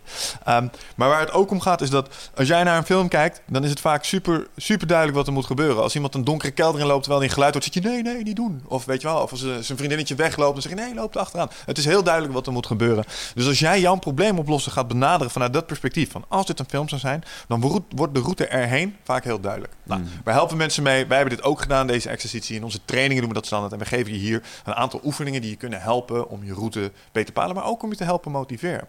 En wat het gaat doen, is het gaat je helpen bij de volgende stap. Stap 5. En dat is share and reflect. Kijk, Hmm. er zijn een aantal manieren waarop je informatie tot je neemt. Ik geloof 5% door te lezen, 10% door te luisteren, 75% door te doen. Maar 95% van kennis bewaar je door het uit te leggen aan een ander. En dat zit hem in het feit omdat je het dan moet refactoren. Je moet het vertalen naar hapklare brokken. En in het vertalen naar die ander zit ook een leerproces voor Ja, jou. er moet ook nog eens een keertje iets nuttigs zijn, anders hoef je het niet te vertellen. Inderdaad, dus het moet waarde hebben. Uh, en het moet realistisch zijn. Nou, dus de volgende stap is dat jij met je plan onder je arm... dat jij gewoon eens naar een vriend gaat of een vriendin of een collega of een baas... en je zegt, hé, hey, ik moet eventjes met je praten. Uh, ik heb een idee. En dan zul je merken dat je de eerste keer dat je het vertelt... gaat het echt kloten. De tweede keer dat je het iemand vertelt, gaat het al iets beter. Het moet ook landen in je Hmm. hoofd. En daarmee ga je inzicht krijgen. En dat is belangrijk hierin, het reflecteren. Want wat ik heel vaak zie in dit soort programma's... dat mensen in één middag even verwachten... ah, ik trap die roadmap er even uit. Hmm. Nee, um, deel het met mensen, laat het bezinken, reflecteer, laat het rijpen. Dus we proberen meteen een stukje rust in te bakken door soms moet je even dingen laten landen. En Ja. op het moment, dat hebben wij ook wel eens. Dan uh, in het opstellen van dit systeem alleen al, dan was ik tegen je aan aan het ratelen en dan zei je één of twee dingen en dan pok liep ik vast. Ja. En dan was het shit. En terug naar een tekenbord. Hmm. Dat hoort erbij. Dus laat je daar niet door frustreren. Dat is precies wat nodig is. Nou, het is juist die weerstand eh, die, die daarin doet groeien. ja, Nou ja, als je het over weerstand hebt, het is een soort warming-up voor de volgende stap. Nou, het is ook een stuk, eh, waar- ja, als je dan dit soort plannen moet gaan creëren, eh, vertel jouw dromen eens aan iemand anders en durf er vol voor te gaan staan. Zonder gevoel van schaamte, zonder dat je denkt dat je iets stom zegt, dan, dan meen je het echt. En ik denk dat heel veel mensen die zijn gewoon bang om, Ja. dat, om te kunnen durven Ja. dromen. Joh, als jij hardop zegt dat je 20 miljoen wil gaan verdienen, moet je dat zonder gêne kunnen zeggen. En iemand anders die zegt dat gaat je nooit lukken, die zegt dat vanuit zijn eigen angst. Omdat hij het en mensen lukken. voelen het ook wel of je het meent of niet. Ja, maar dat is ook wel fijn. En op het moment dan, eh, nou, als je dan een goede feedback krijgt, nou goed, dan kun je daar wat mee doen. Eh, een van de regels die ik daar altijd eh, eh, bij vertel is: dan neem niks persoonlijk. Ik bedoel, want iedereen die, die, die zegt wat en dan moet je vervolgens zelf mee bepalen wat je ermee gaat doen. Ja. Eh, en dan kan je door uit het veld laten staan, of het kan je juist sterker maken, of het kan je plan bijscherpen. Maar het is wel goed, en dat is ook wel een mooi stukje weerstand, om gewoon eens een keertje ja, eh, uit je eigen comfortzone te gaan. Want je maakt jezelf heel veel mooie verhalen wijs. En over een hele hoop dingen heb je nog niet nagedacht. Het is echt goed om het even te reflecteren. Ja. Dus, Helemaal mee Ja. eens. En nou ja, goed, zoals ik al zei, het is een beetje een warming-up voor de volgende stap. Omdat ehm, ik denk dat als jij een goed plan hebt, dat dat ook tegen een stootje moet kunnen. Hè? Als jij de eerste keer share and reflect, ik kom met een verhaal bij jou. ehm, sowieso, als ik met, een, eh, met mijn hart sta uitzetten bij jou, jij gaat sowieso sociaal wenselijk tegen mij doen. Jij gaat wel vertellen, dit kan niet, dit kan dat. Maar je bent ook lief voor me waarschijnlijk. hmm, Um, en ik denk dat een heleboel dingen tegenwoordig worden bedekt met de mantel der liefde. Ik denk dat we niet altijd even lief voor elkaar hoeven te zijn. Ik denk dat ongezouten kritiek en feedback erg belangrijk is voor het leerproces. Mensen kunnen alleen leren door feedback. Um, en ik denk dat je dat in je proces uh, moet opzoeken. Kijk, um, iedereen kent tegenwoordig het uh, televisieprogramma Shark Tank. Uh, laten we dat direct even uit de wereld hebben. De volgende stap heet Shark Tank. Maar heeft er een beetje mee te maken, maar ook weer niet. Mhm. Een Shark Tank, is namelijk, Shark Tank is namelijk ook een trainingsvorm binnen het Braziliaanse Jiu-Jitsu. Uh, vooral wedstrijdjongens worden dan vaak uh, op het midden van de mat gezet. Er staan er vier, vijf jongens aan de kant en die wisselen om de minuut door. En dat doen ze 20, 30 minuten. Dat is niet een heel prettig proces. Nope. Zeker niet voor de gasten in het midden. Um, het is pijnlijk, want je wordt op een gegeven moment volledig aan elkaar getrokken. En um, je verliest veel en je gaat fouten maken. En je wordt eigenlijk aan stukken gescheurd, shred. En dat is niet zo goed voor je ego. Dus dan ga je een beetje van huilen, you cry. Maar na de tijd komen ze altijd bij je terug en dan gaan ze zeggen... hé, hey, Wigert, volgende keer als jij te veel op je rug ligt... moet je net iets meer op je heup draaien. Want ik kon je pinnen omdat jij eh, mijn gewicht niet goed kon verdelen. Dus volgende keer als je in die situatie zit... neus, mond ademhalen, goed naar je heup ebiën kom je eruit. Met andere woorden, ze gaan je coachen en helpen in de fouten die je hebt gemaakt om je beter te maken. En daarvoor moet je eerst even dat stukje pijn door. Dat is niet heel leuk, maar wel nodig. Dus dat is een Shark Tank in de 12 Waves context. Eigenlijk jij die een aantal mensen om je heen organiseert. En als je in het programma zit, dan faciliteren wij je erin. Maar een paar mensen om je heen organiseert waarbij je ze eigenlijk vraagt... Oké, dit is mijn plan. Prik er gaten in. Yep. Waarom? Een goed plan kan tegen een stootje. En als jij er gaten in kan prikken, um, dan was het dus nog geen goed plan. Nee. Of je zet me weer aan het denken. Um, en ik merk altijd dat een boel mensen dat echt heel moeilijk vinden. Dan hebben ze een mooi plan, zijn ze naar de tekentafel geweest. En op het moment dat er dan de eerste feedback of weerstand op komt, dus ze krijgen een soort van tik. Iedereen heeft een plan totdat die geraakt wordt. En dan worden ze geraakt. En dan zijn ze helemaal van de pad af. Ik zeg, oké, okay, dan gaan we anders oplossen. We gaan die klappen gaan we opzoeken. Want de volgende keer dat we dan in een situatie zijn, hebben we waarschijnlijk het antwoord al paraat. Ja. Dus dat is het idee. Dus we gaan het ijzer slijpt ijzer. Ja, en het is wel mooi dat ik heb het. Wanneer heb ik het gedaan? In, uh, we zijn dit jaar begonnen met de jaarlijkse 12 Waves uh, cursus. Ja. Januari, daar hebben we in uh, februari dit gedaan, volgens mij. Nee, maart. Of in maart. En ik dacht toch wel dat ik behoorlijk alles gewoon op orde had qua wat ik wilde. En omdat ik er zo erg mee bezig ben. En ja, dan merk je toch ook dat dat ik gewoon ook wel op bepaalde momenten gefileerd werd daar. Van joh, weer ja, leuk dat je het allemaal wil, maar je laat we af van je doel. Waarom ben je al die andere dingen aan het doen? Ja, is ook leuk. Ja, ja alles is leuk, weet je. Om echt die focus te houden en gewoon ja. haar scherp op te zijn. Ja. En dat is wel... Uh, en ik, een andere jongen in de groep die uh, um, plannen had voor uh, over tien jaar zijn eigen bedrijf op te richten. En ja, die eigenlijk gewoon erachter kwam van, joh, over tien jaar, waarom doe je het niet over vijf jaar? Ik bedoel, Mhm. al die lange tijd, het is allemaal uitstelgedrag, weet je? Nou, en dat is het mooie aan, ja, exact dat. Want als jij je plan maakt, bouw je toch ook altijd wel margins of safety in. De Ja. andere kant op werkt ook dat het plan gewoon even iets ambitieuzer wordt gemaakt. Zo, eh, grappig dat je het hebt over het jaarprogramma. Ik weet niet of we het aan het begin goed hebben geschetst, maar ehm, we hebben dus het open source programma. We hebben het online 12 weken programma. We hebben ook een 12 maanden programma. We zijn nu het eerste pilotjaar daarin aan het draaien, waarbij we in eerste instantie met 12 man zijn begonnen. Ja. Nou, dat trokken we ook al redelijk snel de les dat het niet voor iedereen is, want we zijn nog met z'n achter over. Yes. Um, maar wat we daar doen is eigenlijk dit hele protocol doorlopen met aanvullende keynote speakers. Michael Pilacic is bijvoorbeeld een keer geweest. Uh, we wilden wat dingen doen met Bas Kodde.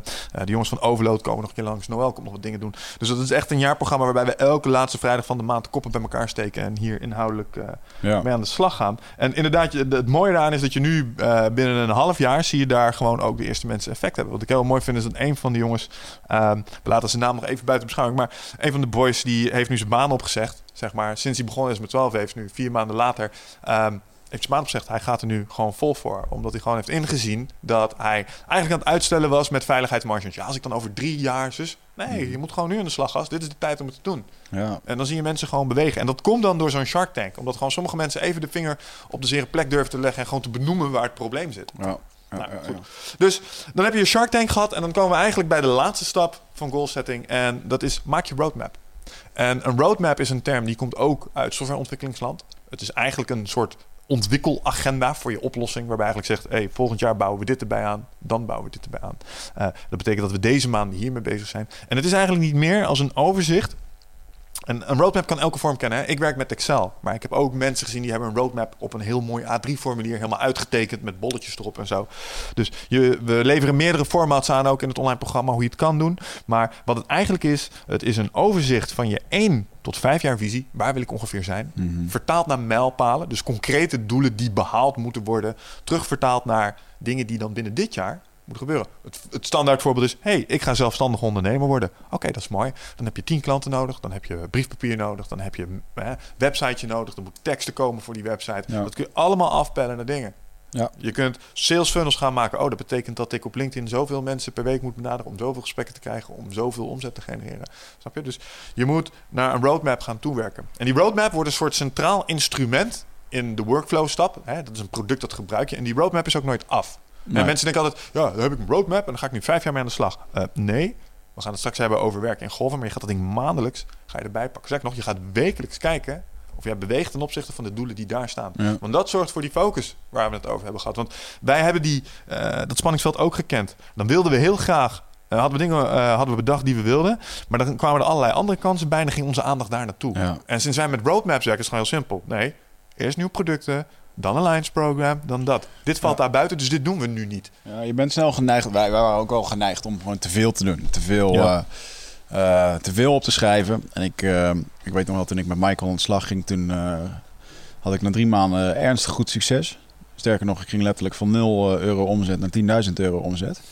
Goed bezig. Ehm is misschien wel eens leuk. Ik heb de ehm, WhatsApp eh, dingen van mij en Michael nog, waarbij ik hem gewoon appte van joh, dit is, het is weer gelukt. Het is weer gelukt. En het ging zo een paar maanden achter elkaar. Die ga ik wel eens een keertje op de website zetten. Dat is wel leuk als, leuk.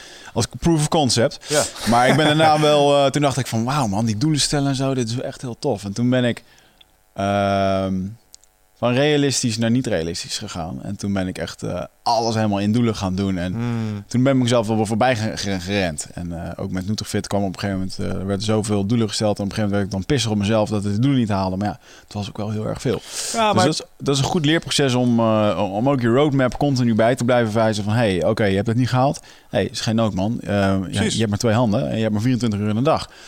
Nou, en dat realisme erin terugbrengen. Hè. Je gaat op een gegeven moment... De meeste mensen die eh, gaan werken met roadmaps, dat is altijd hilarisch. Ehm, dan laat ik je een roadmap maken en dan zie ik die eerste, ma eerste drie maanden, die zijn zo chockvol. En dan weet ik al wat tijdens de maandelijkse eh, retrospective naar voren gaat komen. hey, dit blijft over, dat blijft over, dit moet door worden getikt. Je gaat erachter komen dat je minder werk kunt verzetten als je verwacht. Mm. Hè, en dat je jezelf overschat. Dat is een leerproces in die eerste drie maanden. En je moet mensen daar ook echt bij begeleiden. Zo van, hé, hey, dat is oké. Dit is een inzicht, dat moet je even opdoen. Laat, laat dit een reden zijn om meer te delegeren, vriend. Snap je? Dus op die manier moet je er naar kijken.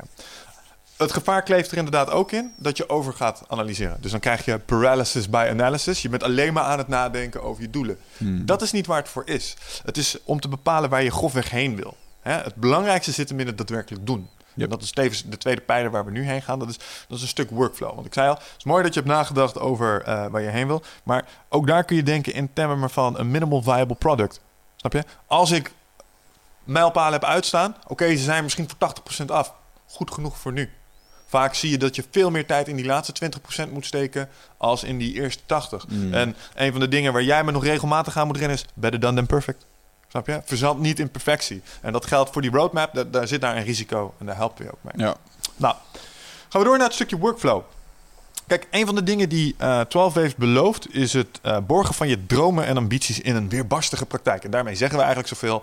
eh, leuk dat je al je dromen hebt opgeschreven, maar we weten dat het heel moeilijk gaat worden om ze daadwerkelijk te realiseren als je niet met een systeem gaat werken. Heel vaak zie je mensen dit opschrijven en dan gaan ze uit de losse pols gaan ze er naartoe werken, waardoor ze al redelijk snel het overzicht kwijtraken, het momentum niet pakken, et cetera, et cetera. Nou, als het gaat om je werk organiseren, om ervoor te zorgen dat je die dingen daadwerkelijk ook allemaal geregeld gaat krijgen, ehm, werken wij heel simpel met een stukje workflow om grip te krijgen op je werk. Het is sterk geïnspireerd door Getting Things Done en de Action Method. Hè, Die Mhm. werken, die grijpen in op dezelfde basisprincipes. En het komt neer op het volgende: je kan je hersenen niet vertrouwen en je moet niks proberen vast te houden in je kop. Ik denk dat we het daar gewoon eens over kunnen zijn. Je hebt evolutionaire bagage. Je bent een aap met een smartphone. Je moet dat systeem ondersteunen. Dat is de essentie. Ja. Nou, de stappen die daarbij horen zijn de volgende om daar grip op te krijgen. En we hebben enerzijds met die roadmap hebben we bepaald, daar willen we naartoe. Dat hebben we vertaald naar concrete gewenste uitkomsten. Maar wat je heel vaak ziet is dat, dan weet ik precies waar ik heen wil, maar er zijn nog zoveel andere dingen die ook aandacht vragen. Nou, eerste stap die we met mensen doen waar ze altijd heel veel plezier van hebben, is een mind dump. En eigenlijk wat ik zeg is, open een Word document. En daar ga je nu alles intikken wat je aandacht vraagt, wat in je opkomt. Ja, echt alles, dat is echt heel veel. Dat valt wel mee, want je zult zien dat je naar 20 items denkt, "Uh, wat moet ik er nou nog op tikken? Ja. Ehm, maar er zitten er meer in. En ook hier geldt, werk hierin. ehm probeer dit niet in twee uur in één keer te doen. Maak hier gewoon gebruik van het concept distributed cognition. Dat zegt is eigenlijk zoveel als als jij een probleem in je hoofd giet, dan gaat je onderbewustzijn daarmee aan de slag. Dus als ik nu 10 minuten steek in een lijstje, alles wat in mijn hoofd zit, eruit gooien, even opschrijven. Ja. En ik ga iets anders doen, een kwartier. En ik kom terug en ik doe het nog 10 minuten, gaat het veel Nou, sneller. maar alles wat in je hoofd zit, daar bedoelen we eigenlijk gewoon mee. Alles wat er nog gedaan moet worden. Of je nou het groene hekje nog moet verven. Of dat je een Ja. barbecue moet organiseren. Alles eruit halen. Of nog, eh, ik wil niet meer buiten adem zijn als ik bovenaan een trap sta. Als dat Of ook een doel is. Als dat, ja, als dat in je hoofd zit. Of ik vind dat ik mijn vader te weinig zie. Als Ja. dat een doel is. Alles wat aandacht eist, moet eruit.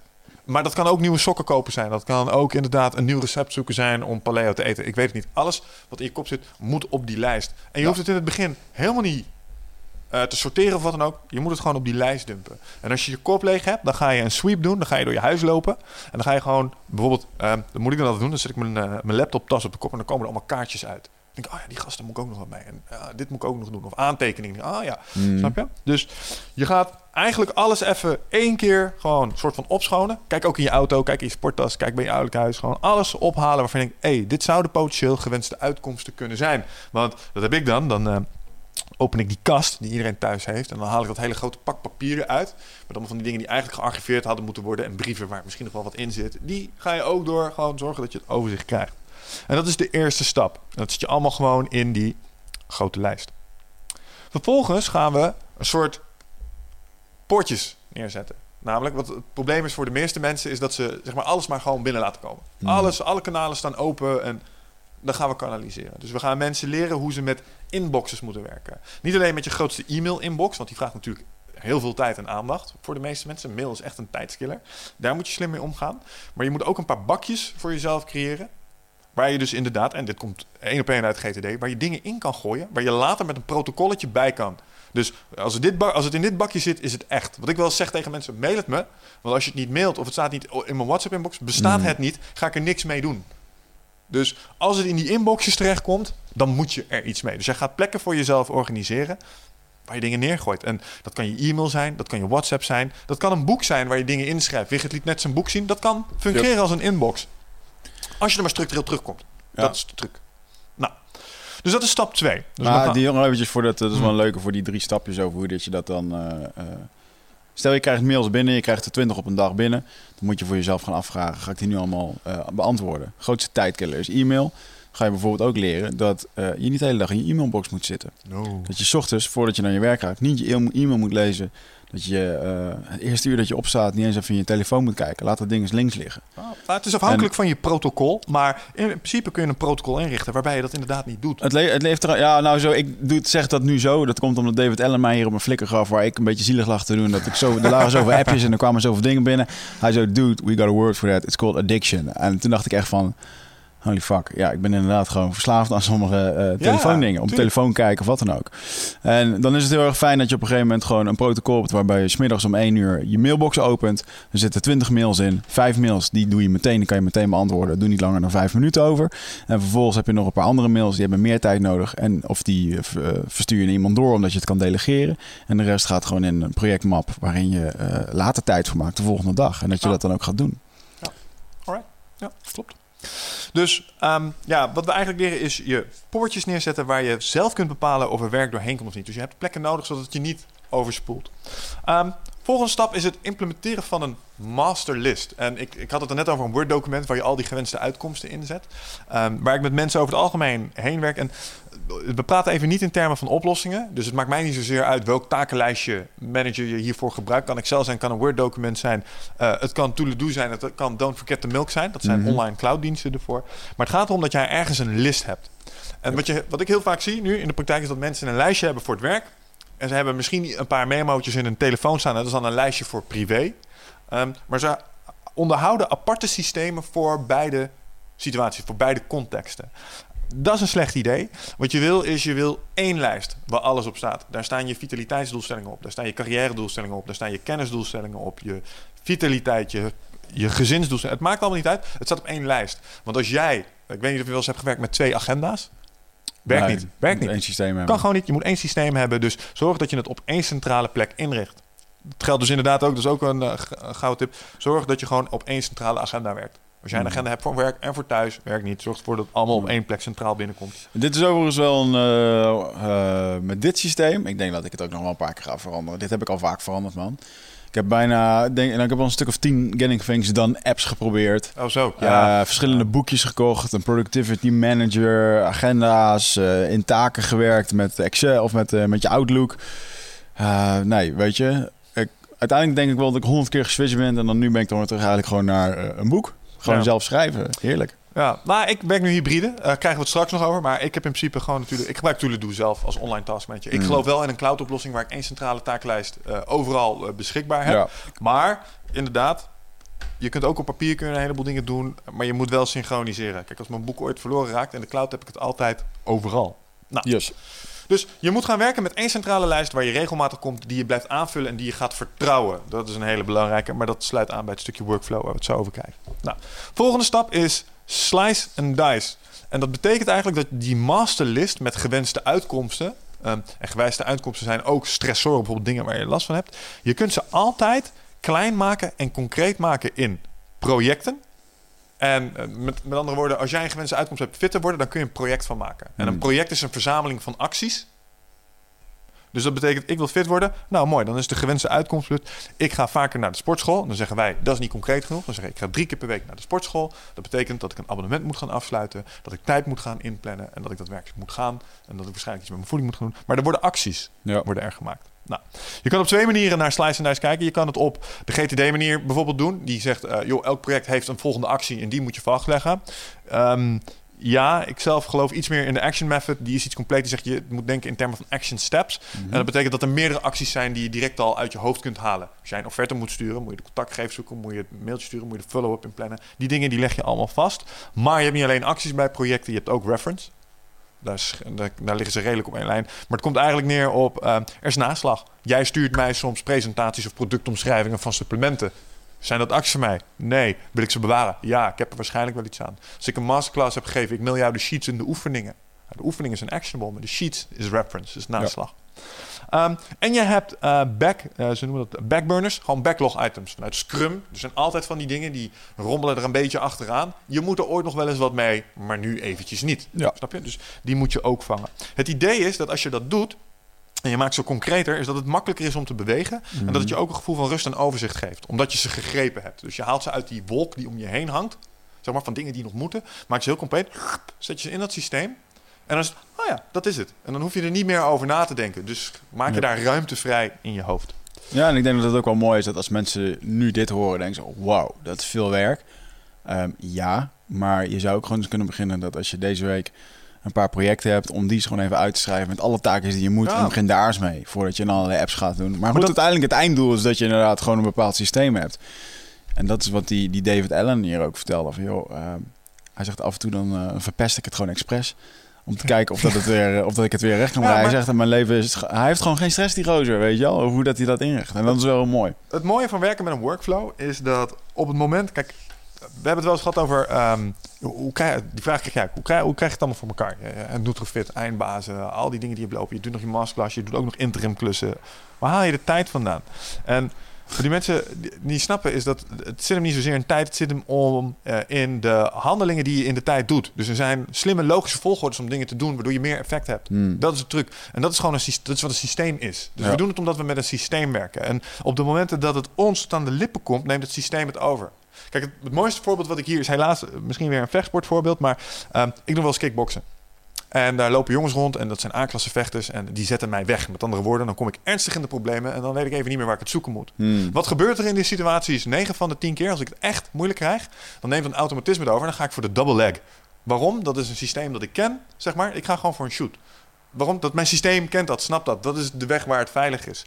Als jij bijvoorbeeld het heel erg druk krijgt op je werk en dat komt even van alle kanten en er is een escalatie en er is dit en er is dat. En je hebt een systeem waar jij al tijden mee werkt, wat geïnternaliseerd is, dan neemt dat automatisme neemt het over. En ook al is je energie dan misschien even niet optimaal, omdat jij gewend bent om zo te werken, kun je jezelf er doorheen trekken. Ik denk dat jij eh, als geen ander ehm, dat ook in die periode die je achter de rug hebt nu hebt ondervonden. Want ik zag je heel goed weer teruggaan naar de basis. Oké, we moeten weer gaan kijken naar goals zetten. We moeten onze workflow Ja. weer opzetten. We moeten vitaliteit weer gaan kalibreren. Ja, ik heb, voor mij was het een onwijs rust naar de basis om gewoon weer rust te creëren. En je, inderdaad, niet eh, aan vijf projecten per dag te werken, maar gewoon een dag in te plannen. Of, joh, nu werk ik even aan Eindbaas. Of Ja. vandaag werk ik aan Nutrifit. En die en die taken. En dat schuift dan gewoon op op die Ja. manier. En je maakt jezelf helemaal gek met allerlei pingetjes en dingetjes die er tussendoor komen. WhatsApp groepjes. En misschien wordt dat ook wel een dingetje. Dat je jezelf gaat verwijderen uit allemaal die loze WhatsApp groepen. Waar allemaal Ja? voetbalplaatjes en andere onzin doorheen komt. Eh, want ja, als je dat uiteindelijk aan het einde van de dag optelt. Wat ben je er nou wijzer van geworden? Helemaal niks. Nou ja, en luister, het, het zijn dat soort afspraken, zeg maar, met jezelf, waar het onder de streep op neerkomt als het gaat om je workflow. Hmm. Kijk, na Slice and Dice, dus ehm, stap 11, komt stap 12 en dat is Design Your Workflow. Kijk, GTD heeft een heel mooi protocol hoe je van eh, actionable tot actielijsten kan komen. En dat is maar een voordeel van een protocolletje. Want wat is een protocol? Dat is niet meer als een gedragsovereenkomst. Als je het opzoekt, zeg maar, een protocol is een gedragsovereenkomst. Het is een set aan stappen. Oh, mooi. Nou, ik kan een set aan stappen met mezelf afspreken die ik hanteer op het moment dat ik mijn inboxjes leegmaak. Maar ik kan ook een set aan stappen die ik met mezelf afspreek. Bijvoorbeeld hoe ik mijn dag indeel. Waar jij het net over had bijvoorbeeld. Jij kan met jezelf afspreken, als dat binnen jouw context en situatie optimaal is, om bijvoorbeeld 's ochtends niet te beginnen met mail. Eerst een uur te schrijven, dan te trainen, dan naar kantoor te reizen, dan mijn mailpas te openen. Ehm, dan te werken, dan te mediteren, dan tijd met mijn vriendin. Dat is een set aan stappen, die kun jij structureel kun je die invoeren.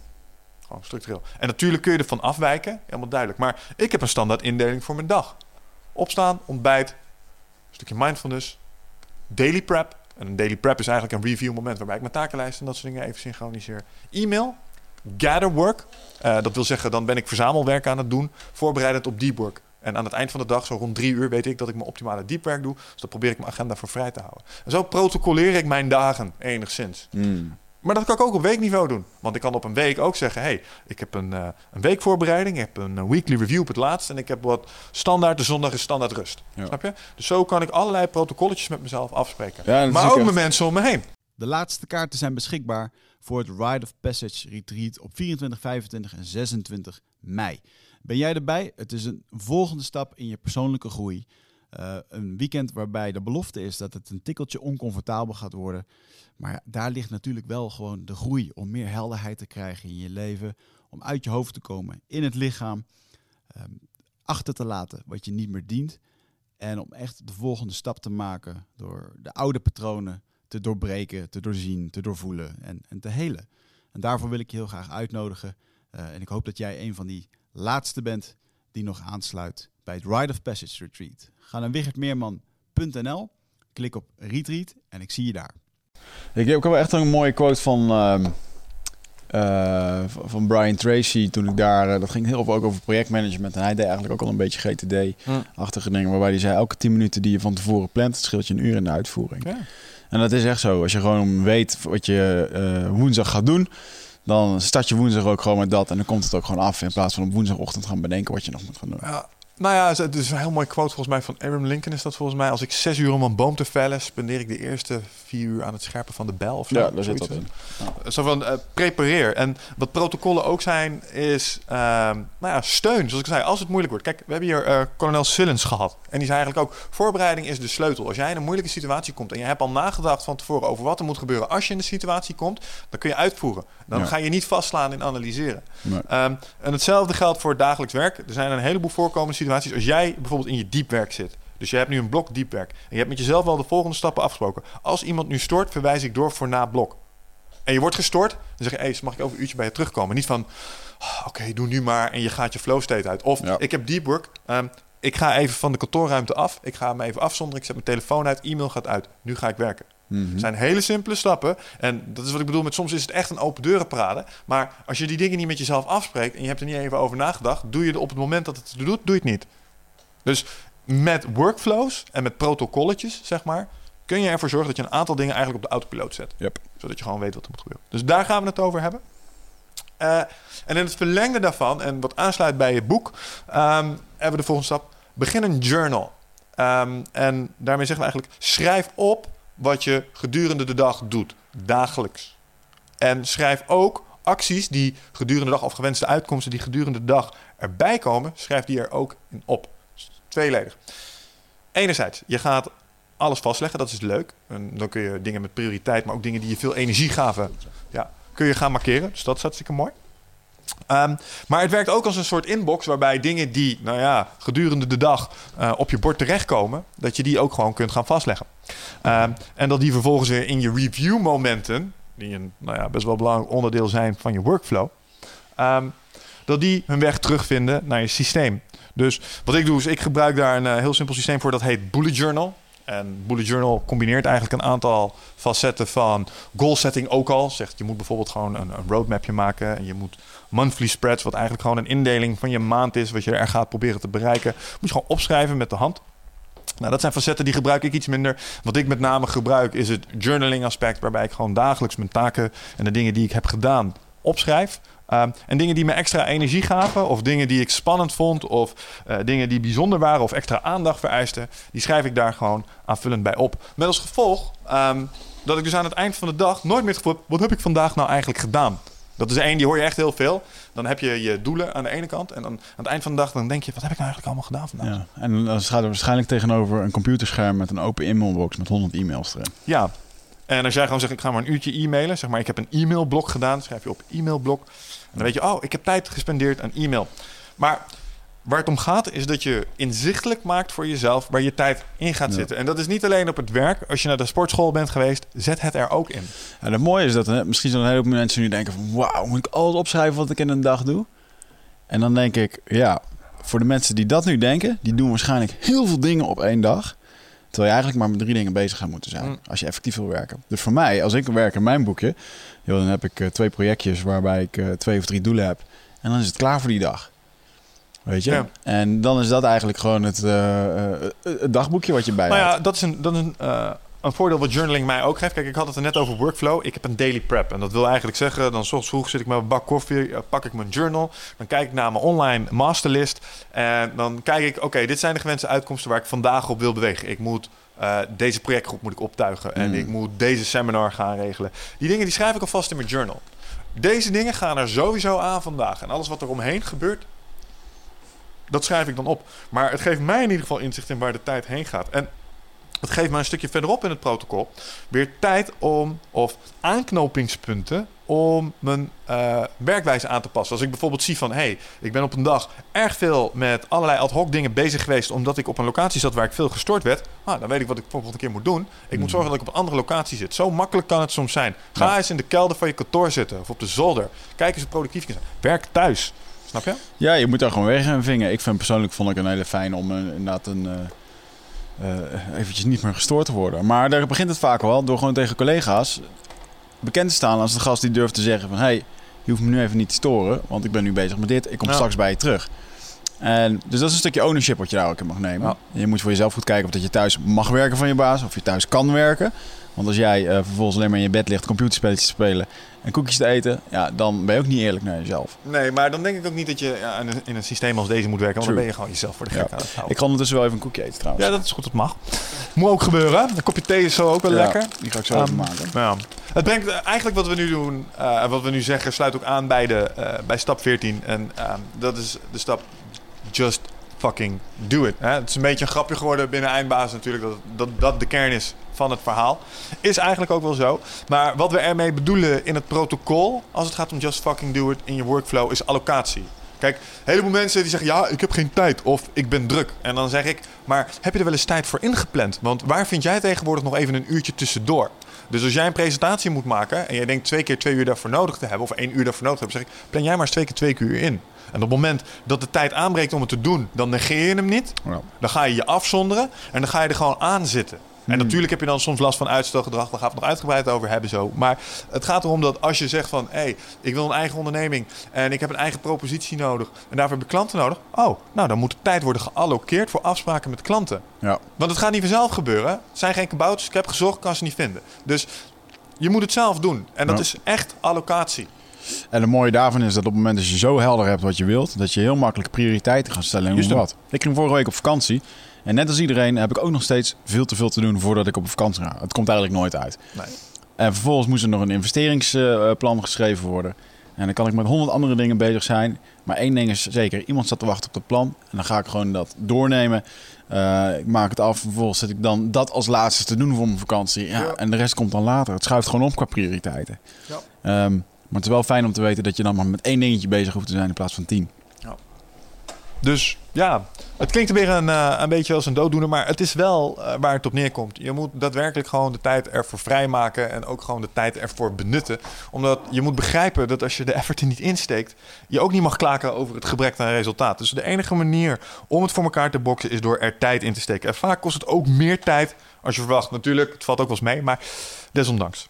Ehm, en daarmee komen we ook aan het eind van het stukje workflow. Dus als je deze dingen structureel gaat oppakken, dan zul je zien dat je je voortgang daarop gaat boeken. Op die manier ga je je hoofd leegmaken. Ga je kunnen bepalen, hè, middels slice and dice, wat je acties zijn om een daadwerkelijke gewenste uitkomst te realiseren. En dan heb je grip op het dagelijkse werk. Dus hè, van week tot week, hoe je van je maandag tot je vrijdag, zaterdag en zondag als je zelfstandig ondernemer bent, uh, grip krijgt op die activiteiten die ervoor gaan zorgen dat je je doelen gaat halen.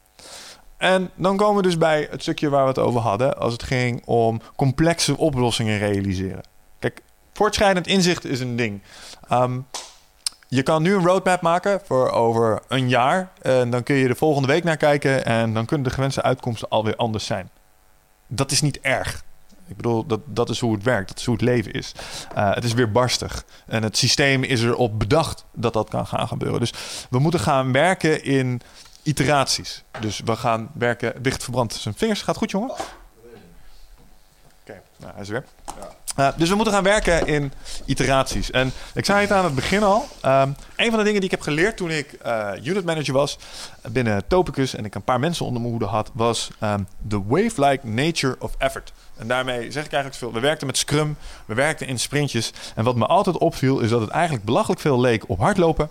Uh, eerst rennen we heel erg hard met elkaar, daarom noemen we het waarschijnlijk ook een sprintje. En na de tijd is er altijd even een, een dal. Even een moment ja, van rust, even een moment van bezinning. Dus, um, uh, het, is ook, uh, hey, het is gewoon universeel, man. De natuur uh, die, ja. die, werkt ook zo. Met dag-nacht. Zomer, lente, herfst en winter. En dag en nacht en noem het maar op. Ja. ja. ja. En zelfs auto's moeten tanken, snap je? Dus um, er zijn momenten van rust nodig. Dus je hebt effort en je hebt rust. Adaptatie vindt plaats in de rust. We zeiden het er straks al, je wordt niet sterker tijdens het tillen van de gewichten. Je wordt sterker na de tijd, op het moment dat je lichaam reageert. En als dat dan zo is en als dat dan zo in onze aard zit, waarom omarmen we dat dan niet zo? Want um, het is bijzonder sociaal onwenselijk om te zeggen: hé, hey, doe het even wat uh, rustiger aan vandaag. Dat zeggen we niet graag op kantoor. Ik uh, zat uh, laatst een artikel te lezen over Scrum en over sprintmasters. Die vinden dat je je sprintjes zo kort mogelijk tegen elkaar aan moet blijven plannen. Waarom? Om zoveel mogelijk momentum vast te houden en zoveel zo mogelijk story points. Hè? Dat is hoe Scrum werkt. Je hebt een aantal punten die moet je realiseren, die burn je down. En mm. hoe meer puntjes, hoe meer velocity je team heeft, dus hoe meer productiviteit je hebt. Wat perfect is geredeneerd vanuit een baas. Dat is helemaal top. Weet je wel? Uh, zoveel mogelijk productiviteit, zoveel mogelijk uren, zoveel mogelijk dingen produceren. Maar als ik naar mijn ontwikkelaars keek, die waren altijd wel slightly pooped naar zo'n sprint. We hebben een oplevering, je bugfixes altijd best wel nog even een knokpartijtje op het laatst, weet je wel. Het is altijd wel even spannend weer. En dan zijn ze klein en zo, oh, dat. Maar wat deden wij? We wilden ze direct weer opleiden voor de volgende stap. Dacht ik altijd, maar waarom omarmen we dat niet gewoon, dat oh, momentje? En geef je dat gewoon een plek in het verhaal. Ja. Snap je? Ja, het is hetzelfde als profsporters, joh. Je, je bent gewoon naartoe werken naar een grote wedstrijd. Hm.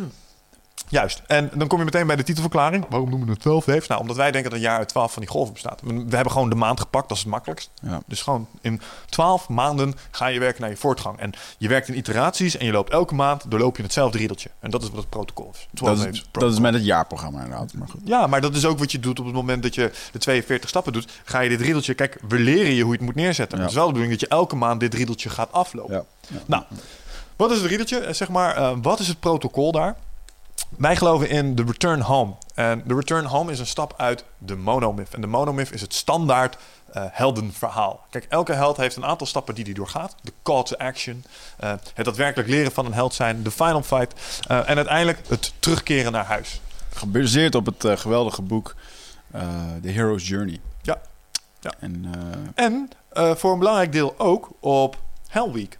Want wat is, wat is het boek Hell Week? Wat zegt dat eigenlijk? Joh, eens pik je een week. Dan ga je vier dagen ga je echt snoeihard aan de slag. En die laatste dag, de vrijdag, doe je helemaal niks. Mm. En um, nou ja, wat wij niet helemaal begrepen is dat je dat eigenlijk maar één keer moet doen en niet een aantal maanden achter elkaar. Wigert. krijg je een burn-out van. Ja, krijg je burn-out van. Um, maar het concept um, inspanning rust vond ik een hele mooie. Dus wat hebben we gedaan en waar zijn we nu al een half jaar mee aan het draaien? En wat werkt daar erg goed in? Ehm, is dat we een laatste week van de maand zeggen we eigenlijk, die reserveren we voor een aantal acties. Ja. Wij gaan die cadens, zeg maar, die inspanning rust cadens, die gaan we zelf introduceren. En wat doen wij? De laatste week van de maand bakken wij een zogenaamde rest week in. We noemen het een rest week, maar er moeten wel degelijk dingen gebeuren. Ehm, maar het is de return home. Dus eh, het thuiskomen, de laatste dingen doen. En wat hoort in elke film bij het thuiskomen? Wat is het laatste wat ze moeten doen voordat ze daadwerkelijk terug naar huis mogen? Over het algemeen de draak verslaan. Zeg maar de final fight, de laatste confrontatie. En als ik kijk naar het werken met teams eh, en opleveringen, dan zie je altijd dat in de laatste week voor een oplevering heb je nog een soort final fight te leveren. Hè? Een soort uh, boss fight. Er is nog één project, nog één onderdeel van dat wat op te leveren is... of dat wat spannend is die maand, ehm, wat moet gebeuren. En daar moet nog effort in. En wat ik eigenlijk zeg is, joh, pak die laatste week nou en reserveer daar gewoon tijd voor. Weten dat dat er is. Reserveer er twee dagen voor. Je dinsdag en je maandag, of je maandag en je dinsdag, zijn gewoon om die final fight te doen. Gewoon alle puntjes nog even op de i zetten. Zorgen dat het, allemaal uh, dat het goed gaat. Zodat jij gewoon goed daarna en met rust je volgende stappen kunt doorlopen. Ja, gewoon dingen af. Het is zo fijn om dingen af te ronden, weet je wel? Gewoon af te kunnen je doel moet zijn om, want wat ga je elke maand doen? Je gaat naar je roadmap kijken. En je gaat kijken, wat heb ik deze maand nou werkelijk gerealiseerd van wat ik heb opgeschreven. En je doel moet zijn om zoveel mogelijk aan die andere kant niet mee te hoeven nemen naar de volgende maand. Of opnieuw in te moeten plannen. Dus er zullen er een paar zijn die zullen nog... Hè, als het een computerspelletje zou zijn, dan zou de eindbaas misschien nog 1% leven hebben of zo. Ja, die gaat eraan. Die ga je gewoon proberen af te maken die Ja. maand. Dus dat is wat je final fight is. Dus je gaat die projecten die nog af kunnen, ga je in een redelijke termijn ga je afhechten. Dat geeft je een gevoel van nou ja, voortgang. Yep. Vervolgens, stap 17, is declutter. Oftewel opruimen. Wat mij altijd opvalt is dat aan het eind van die drie weken... en dan kijk ik naar mijn, eh, mijn masterlist, dan kijk ik naar mijn e-mail... en ondanks al mijn protocollen... is er soms ook nog wel een klein beetje opruimen nodig. Snap je? Eh, mijn desktop even opruimen. Sommige dingen zijn nog niet goed gearchiveerd. Heb ik al mijn, laatste, mijn volgende acties wel scherp staan in mijn masterlist. Met andere woorden, je gaat gewoon even de zooi weer op orde maken. Ik bedoel, je huis moet ook schoongemaakt worden. Je systeem heeft ook onderhoud nodig. Onderhoud is behoud. Dus je moet er gewoon tijd in steken. Dus je gaat opruimen. En we nemen je mee door welke systemen je moet opruimen en hoe dat opruimen eruit kan zien. Ook belangrijk in die laatste week is omdat je thuis hebt. Kijk, om die rust te creëren zeggen we eigenlijk: probeer in die week zoveel mogelijk uit huis te werken. En probeer je afspraken buiten de deur te minimaliseren. Waarom? Omdat jij tijd dan hebt om ook na te denken over wat je gedaan hebt. Kijk, als je de hele dag op de weg zit, ik weet niet of je dat kent. Ja, soms als je lange reistijd hebt in de auto kun je lekker nadenken over dingen. Maar toch, je doet weer indrukken op. Mhm. En er komt weer werk uit. Dus er komt alleen maar bij. Het kan geen kwaad om eens in de zoveel tijd, dus elke laatste week van de maand, een soort retrospectief te doen. En die retrospective, wij hangen hem op aan de monomyth. Dus hè, als je nou een held was en je kijkt naar wat was dan, wie was je mentor deze maand? Of wie was je mentor de afgelopen tijd? Ehm, wat zijn uitdagingen waar je voor hebt gestaan? Waar was je reluctant om? Hè, dus had je geen zin om aan de call zeg maar, te voldoen om de stappen te maken? Ehm, wat was de eindbaas deze week? Wat was je loot? Ehm, dus op die manier ga je eigenlijk kijken naar je voortgang, maar je gaat ook je roadmap evalueren. En dit doe je, dan komen we straks eh, komen we erop. Dit doe je alleen, maar je kan het eventueel ook samen met iemand doen. Yep. Snap je? Om een stukje ownership en accountability te creëren. Maar waar het om gaat is dat er een vast, vast moment in de maand is... waarop jij terugkijkt naar hetgeen je hebt bereikt... en dat je daar een aantal conclusies aan probeert te verbinden. Ja. Nou, en die conclusies, daar ga je dan vervolgens ook daadwerkelijk mee aan de slag. Want dat is de kern van een retro. Kijken wat er beter kan. Zorgen dat je het gaat implementeren. En dat brengt ons bij stap 19 en dat is adapt. Ja, dus jij gaat heel bewust in die laatste week ga je nadenken over... oké, als ik nu naar de laatste maand kijk... wat is er dan echt niet goed gegaan en hoe kan ik dat verbeteren? Oh, ik zie dat ik achter ben gebleven op mijn acquisitie. Oké, hoe kan dat? Nou, ik heb blijkbaar te weinig tijd gespendeerd op LinkedIn. Ik heb te weinig mensen benaderd. Ik heb te weinig gesprekken gehad. Mhm. Dat betekent voor de volgende maand dat ik daar iets in moet doen. Nou, kijk in je agenda en dan zie je, ja, hm, interessant. Ik zie dat ik volgende maand heb ik een aantal dingen daar gepland staan. Maar als ik in mijn prioriteitenlijstje kijk, zou daar beter acquisitie kunnen staan. Dus als ik kijk naar mijn maanddoelstelling en ik kijk naar hoe ik mijn tijd nu spendeer, dan is daar een disbalans en moet ik die bij gaan stellen. Dat is Ja. een voorbeeld van hoe je kunt aanpassen. Ja. Misschien is het andersom wel zo dat je terugkijkt naar je maand en dat je hebt gezegd: hey, ik heb drie weken weer 60 uur, eh 70 uur per week gedraaid. Dat was niet de afspraak, want mijn doel was om mijn werk-privébalans te herstellen. Ja. De volgende maand ga ik gewoon nu alvast ga ik een aantal avonden plannen waarbij ik gewoon echt niet aan het werk ben. Snap je? Ga ik nu gewoon al Yep. regelen. Meer Dus- family en friends time inplannen. Bijvoorbeeld. Of misschien moet ik weer meer sporten, want ik ben nu al twee weken niet in de gym geweest. En we hebben gezegd dat die vitaliteit ook belangrijk is. Dus we gaan nu daar de allocatie weer aanscherpen. Dus we gaan aanpassen, gedrag aanpassen. Ja. Ja. Maar dat is één kant van het verhaal, want we zijn natuurlijk hè, de held in ons verhaal.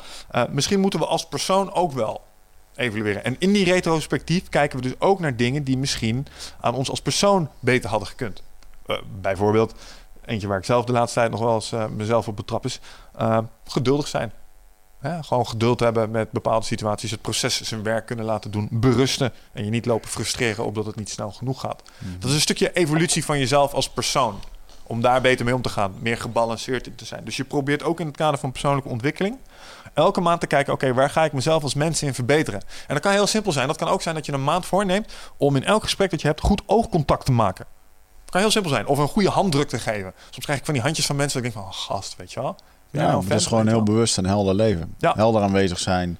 Zorg dat je, dat je ja, bewust zo'n gesprek nou, Eentje van jou, uh, bijvoorbeeld, die mij heel erg blij blijft, is uh, proberen meer in het nu te zijn. Dat is een evaluatieding. Dus Mm. um, je probeert daar jezelf te verbeteren. Dus het is naast je voortgang boeken, is het ook een iteratief proces van zelfverbetering. En Ja. dat, dat aspect moet erbij zitten. Want jij gaat je doelen beter halen op het moment dat je ook aan jezelf sleutelt. Dus dat is de truc daar. Yep. Nou, wat we doen om dat te faciliteren is, we leveren bijvoorbeeld in Stap 20 Leven ook een lijstje met skills die je potentieel zou kunnen kiezen als je even geen inspiratie hebt van wat zou ik eens kunnen gaan doen. Heel lijst met leuke dingen waar je kiezen. Oh, ik ga dat doen. Dat kan van alles zijn. Ja, ik heb bijvoorbeeld gitaar, eh, gitaar spelen. Ja. Ik heb nooit instrument gespeeld. En, Leer een eh, tweede taal. Holy shit, eh, er werden dingen in mijn brein geactiveerd die nog nooit hadden gewerkt. Eh, en dat is leuk man, daar, daar boek je vooruitgang mee. Het is ontspannend en eh, ja, top. Nou ja, goed. En en wat we dus willen is dat mensen proactief aan zichzelf werken. Dus we geven op het gebied van creativiteit, vitaliteit, intellectuele ontwikkeling. Geven gewoon een aantal richtingen aan mensen mee die je zou kunnen oppikken. En omdat we je net hebben geleerd hoe je er een project van moet maken. Dus het vertalen naar acties en daar op terugkomen. Is het heel simpel om die dingen te integreren in je workflow en er echt op te gaan bewegen. Dat is het Mhm. mooie. Dus we zetten eerst een soort werkwijze neer. Dus als je op deze manier gaat werken en je gooit het in die masterlist en je pelt het af naar acties en die allokeer je daadwerkelijk. Dan ga je erop bewegen. Nou, Mhm. dus op die manier kun jij jezelf als mens ook gaan verbeteren. Ja. En daarmee zijn we bijna aan het einde gekomen van het werk in iteraties. Een laatste ding wat daarbij hoort, wat mij betreft, is dat aan het eind van elke maand, en in elke film is dat natuurlijk ook zo, er is altijd iets van een schat. Er is altijd iets van een prinses. Er is altijd iets van de wereldredder. Er is loot.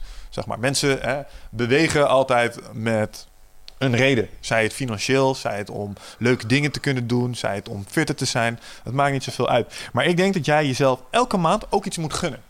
Dus gewoon iets wat jij aan jezelf geeft, omdat je het gewoon weer goed gedaan hebt. Om te vieren dat je weer een maand hebt volgehouden. Dat je zes keer, zeven keer naar de sportschool bent geweest. Wat het ook maar is. En het is leuk om van tevoren die loot voor jezelf te bepalen. Wat is het nou eigenlijk wat ik ga verdienen? Mhm. Bijvoorbeeld, ehm, als het 12 waves protocol helemaal staat, heb ik, heeft deze jongen bedacht, dan mag ik een, eh, een HTC Vive voor mezelf kopen. En dat is de VR-kit van eh, de tegenhanger van de Oculus Rift van HTC. Het ding ziet er perfect uit.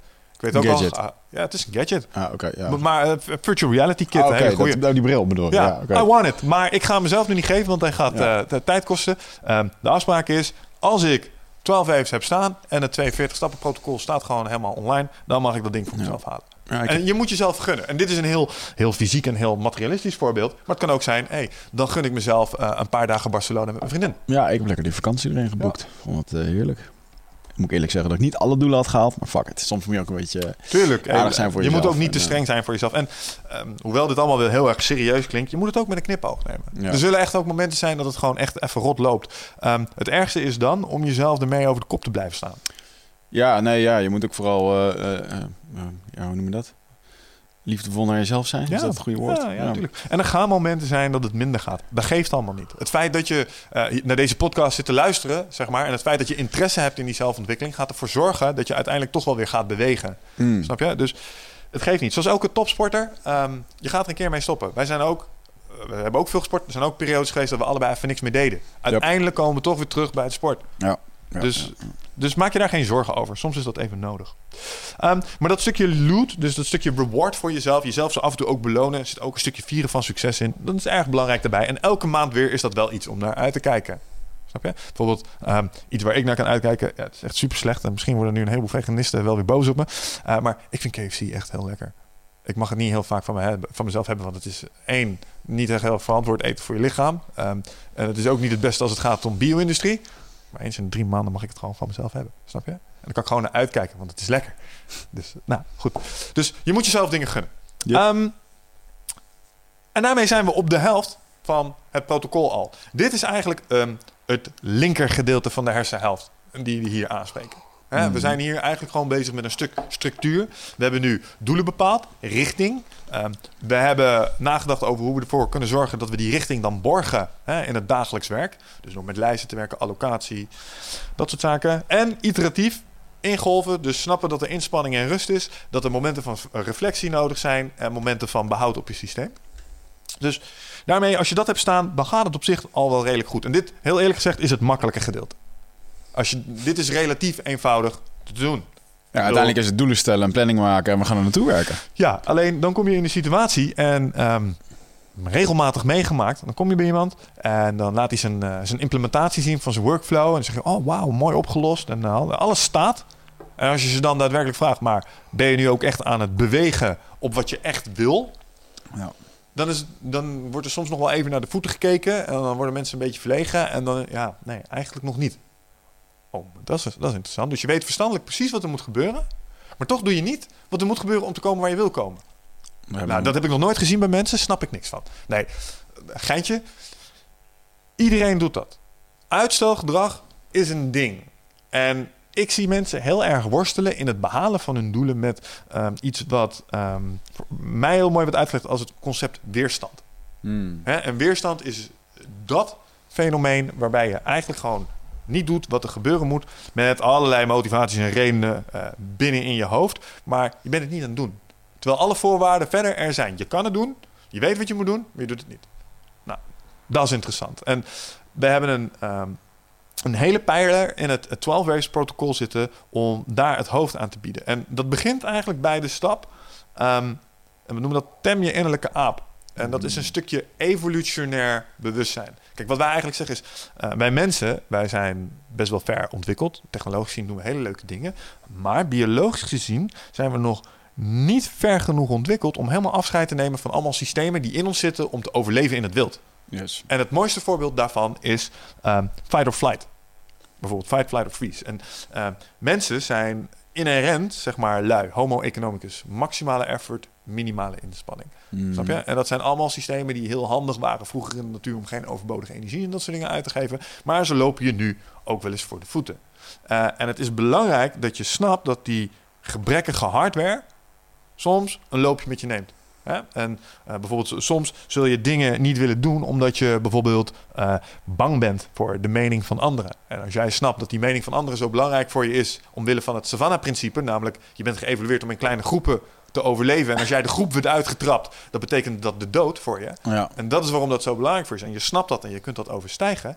Dan kun je op sommige momenten, als je niet aan het doen bent wat je zou moeten doen, omdat daar bijvoorbeeld een stukje je comfortzone mee uitgaan, Hmm. dat mee betrekt, en je hebt dat in de gaten aan jezelf, dan kun je erop handelen. En waar wij mensen in meenemen is een heel proces van een stukje bewustwording. Fight or flight is één voorbeeld, maar er zijn meer van dat soort voorbeelden waarbij het je voor de voeten loopt. Ja, ik vind wel altijd goed met die fire flight dat je ehm, jouw lichaam reageert nu precies hetzelfde als dat er een eh, vroeger een nijlpaard achter je aan Ja. Eh, als dat je 100 e-mails in je box hebt. Je stresssysteem is precies hetzelfde en reageert daar dus niet anders op. Exact. Dus ehm, het, het, jouw, het, het is heel grappig om te zien dat jouw hersenen het verschil niet kennen tussen ehm, zeg maar deadlines missen, praten voor publiek, de tandarts en een 600 kilo wegende grizzlybeer. Het reageert er fysiologisch exact hetzelfde op. Ja. Met als gevolg cortisol, cortisolproductie. En dat bijvoorbeeld als het gaat om vitaliteit eh, iets belangrijks waar je echt wel in de gaten moet houden. Nou goed, komen zo meteen op. Maar het gaat er dus om dat je begrijpt dat je eigenlijk met gebrekkige hardware en software draait. En dat je omwille daarvan een aantal dingen zult moeten gaan doen en organiseren. En dat is wat tem je innerlijke aap is. Nou, volgende stap om in weerstand is te doen, is je redenen opschrijven. En wat voor mij heel erg hielp op een gegeven moment, op het moment dat ik even, nou, iedereen kent het wel, van die momenten van zelftwijfel, of dat je toch ziet dat het echt heel veel is, en dat je even denkt van, Hmm. waar zijn we in godsnaam aan begonnen? Dat het even weer goed is voor jezelf om even kort op te schrijven waarom je ook alweer aan deze ellende begonnen was. Ja. Snap je? Ik wil mijn eigen tijd inrichten. Ik wil geen baas. Snap je? Ik wil Ja. vrijheid. Ja, Al die dingen ehm, is eigenlijk wat er achter die gewenste uitkomsten zit. Snap je? Dat is wat je wil. Je wil die vrijheid. Oh, je wil in de natuur zijn. Daarom wil je dat huisje aan het bos. Je wil rust. Snap je? Schrijf op waarom je die dingen wil. Doet me een dingetje wat ik nog wel eens moest opschrijven bij Michael. Waar die zei, eh, schrijf eens even op wat je nooit meer wil. En dat De inverse wel, is eh, perfect, ja. Dat wilde ik toch... eh, het slapen op kantoor was toch wel een van zijn dingen die eh, niet meer zo fijn waren. Dat is wel genoeg geweest. Ja. Tien maanden was zat, ja. Ja, ja en eh, een andere vond ik van eh, Brian Tracy. Die was wel wat eh, heftiger. Moest je ook om tien uur s'avonds doen. Als je alleen zat, moest je eh, jouw eigen begrafenisbericht in de krant schrijven. Ja. Dus hoe wil je herinnerd worden? En eh, dat is een goede reminder voor. Waar ben je nou, als je dat nou eens opschrijft, waar ben je nou mee bezig? ja Gaat, gaat dit geschreven worden op het moment als je zo doorgaat met wat je nu bezig bent? En dan eh, raak je in één keer de emotionele punten die eigenlijk ervoor zorgen wat je nu allemaal aan het doen bent. Ja, dus zoals ik hem wel eens uitleg is, ehm, ehm, als je het hebt over je grafreden, denk niet aan de grafreden. Maar denk eraan dat je als geest dan op je eigen uitvaart staat. Nadat de kist al zeg maar de oven in is gegaan en je staat aan de tafel met je vrienden. En die staan over je na te kletsen. Ja. Waar wil je dan het over hebben? Ja, de gast was dan Ja. zo snel met reageren op zijn e-mail. Top Ja. man. Ja, daar gaan ze het echt Ja. niet over hebben, weet je wel. hij was echt zo goed. Hij had altijd 200 e-mails in zijn... eh, Ja, had In altijd, hij had altijd nul eh, e-mails in zijn inbox. Hij was En echt zo goed in hij heeft echt helemaal... eh, hij heeft echt zo mooi. Hij heeft helemaal niks bereikt in zijn leven. Ja, hij was wel fucking goed zijn e-mail. Ja. hij was wel leuk met voetballen. Samen met hem voetballen kijken. Nee, ja, je, drinken kon hij ook als geen ander. je, hebt best, ja, je hebt daar gewoon een idee over... over ja, heel eerlijk, leg- what's your legacy, man? Dat Ja. is het, ja. Wat wil jij nalaten op deze wereld? Wat is de impact die jij wil gaan maken? Nou, dus schrijf dingen op die jou ertoe zetten om te bewegen. En inderdaad, opschrijven wat je nooit meer wil, is ook een hele goeie. Ik wil nooit meer om half elf vrijdagavond op kantoor zitten met een oplevering die niet gaat werken. En dat ik dan op zaterdagochtend mijn klant moet bellen om te zeggen dat maandag niet gaat lukken. En dat we dan in een stuurgroep escalatie moeten komen. Wil ik nooit meer. Dat is zo stressvol. Hele weekend naar de kloot. Nee. Nou, als dat is niet wat je wil, schrijf je dat op. Ehm, minstens even belangrijk daarbij, als het gaat om het identificeren van of het overwinnen van weerstand, is het benoemen waar je weerstand zit. En dat noemen ze ook wel het eetje kikker. Dus identificeer kikkers. Er zijn altijd klusjes waar je geen zin in hebt. Mijn favoriete vorm van uitstelgedrag is aanklooieritis. En dat is dat gedrag waarbij je alles op je takenlijst hebt gedaan. Ja, alles. Behalve dat ene telefoontje met bijvoorbeeld iemand die je moet afwijzen of iets slechts moet vertellen. Of daar waar je weerstand zit, daar waar je bang voor bent. Je staat al voor je klerenkast. Je staat te kijken, ga ik die dingen op alfabet of op kleur sorteren? Snap je? Ja, ja, maar dat ene belletje, no way dat je daar aan denkt. Nee. Ehm, maar ik zeg juist, als je weet dat daar je weerstand zit en je weet donders goed waar je weerstand zit. Als ik dit tegen jou zeg, komen er nu al twee of drie klusjes bij op en ik denk, ah nee, niet die. Ja, ik heb, er Die. eentje, ik heb er eentje al een maand op me, die Ja, mij te wachten. Maar ehm, Oké, bij deze, you're fired! ja. Ehm, nee, maar dat is dus identificeer je kikkers en doe die als eerst. Hmm. Dus op het moment dat jij weet van dit is de klus waar de meeste weerstand zit, als je die tackelt, ligt je hele dag open. En dan zijn alle andere klusjes zijn echt als de heuvel aflopen. Ja. En dat is echt een heel fijn gevoel. Nou, dus dat is 24. 25 is delegeer meer of stoot af. Ehm, dus waar ik heel veel mensen mee zie worstelen is eh, de houding. "Nou, Als ik wil dat het goed doet, dan doe ik het zelf. Ja. Ehm, dat snap ik. Ehm, maar dat is te klein gedacht, want dat kan niet. Op een gegeven moment kom je op het punt dat je mensen om je heen nodig hebt. Je kan het niet allemaal alleen. Dus je moet meer delegeren. En als jij de mensen om je heen, eh, waar je naartoe delegeert, niet vertrouwt, dan wordt het tijd voor nieuwe mensen om je heen. Denk ik. Ehm, maar zorg dat je meer delegeert. Of dat je activiteiten die buiten jouw richting vallen. Dus jij weet, ik wil daarheen. Dit is mijn doel. Maar ik ben dingen aan het doen die me de andere kant op brengen. Dan is jouw doel vanaf dat moment om dat zo snel mogelijk af te stoten. Op een redelijke wijze. Om ervoor te zorgen dat je je handen vrij krijgt voor die dingen waar je echt mee bezig moet zijn. Als jij nu nog dingen aan het doen bent. Kijk, een van de dingen die wij zo snel mogelijk ergens anders hebben belegd was de administratie. Ja. Daar zijn we geen van beide helden in. Dat gaat zoveel energie slurpen voor ons. Daar moeten we zo snel mogelijk vanaf. Ja. Dus delegeer en stoot af. Nou, dus dat hebben we gedaan. Ehm, dus dat Nou, is en een een goede... ander ding is als je, als je bijvoorbeeld niet ondernemer bent, dus door in je werk eh, door te leren nee te durven zeggen, dingen door te sturen Zeker. en eh, ja, durf ook nee te zeggen. En Ja, van, baas, is het wel een goed nee. idee dat ik dit doe? Ja. als een collega, want als, een, als jij altijd alles doet voor collega's, eh, dan sta je ook bekend als de persoon die dat altijd doet. En ik merkte het zelf toen ik met Easier bezig was, eh, vaak met programmeurs te maken, wat over het algemeen niet de grootste alpha-mails zijn qua karakter en eh Mhm. we zitten daar met een uitzondering langs. a.k.a. eh, Michel. Ehm, maar over het algemeen was het dan van... hey, eh, als ik in de haast zat, van, zou je dit even kunnen doen? Want het is nu erg haastige moeder. Mm. En ehm, ik wist bij sommige mensen dat ze dat deden. En dan loop je toch naar sommige mensen toe. Ja, jij, jij zoekt de weg van de minste weerstand. Ja, jij voor- bent jouw doelen aan het halen. Ja, voor mij is dat ook wel. ik bedoel, Voor mij is het dan weer de leerschool om er anders mee om te gaan. Maar het gebeurde wel. En ik zie het continu gebeuren. En Ja. uiteindelijk ben je dus niet je eigen agenda aan het afwerken, maar die agenda van iemand anders. Mee eens. Mee eens. Maar dat sluit eigenlijk ook wel aan bij eh, de volgende stap, namelijk de stap 26. En dat is wat wij noemen extreme ownership. Hmm. Um, en dat is eigenlijk het besef op het moment dat je in je weerstand zit. Um, ik ben nu dingen aan het doen waar anderen ook van afhankelijk zijn.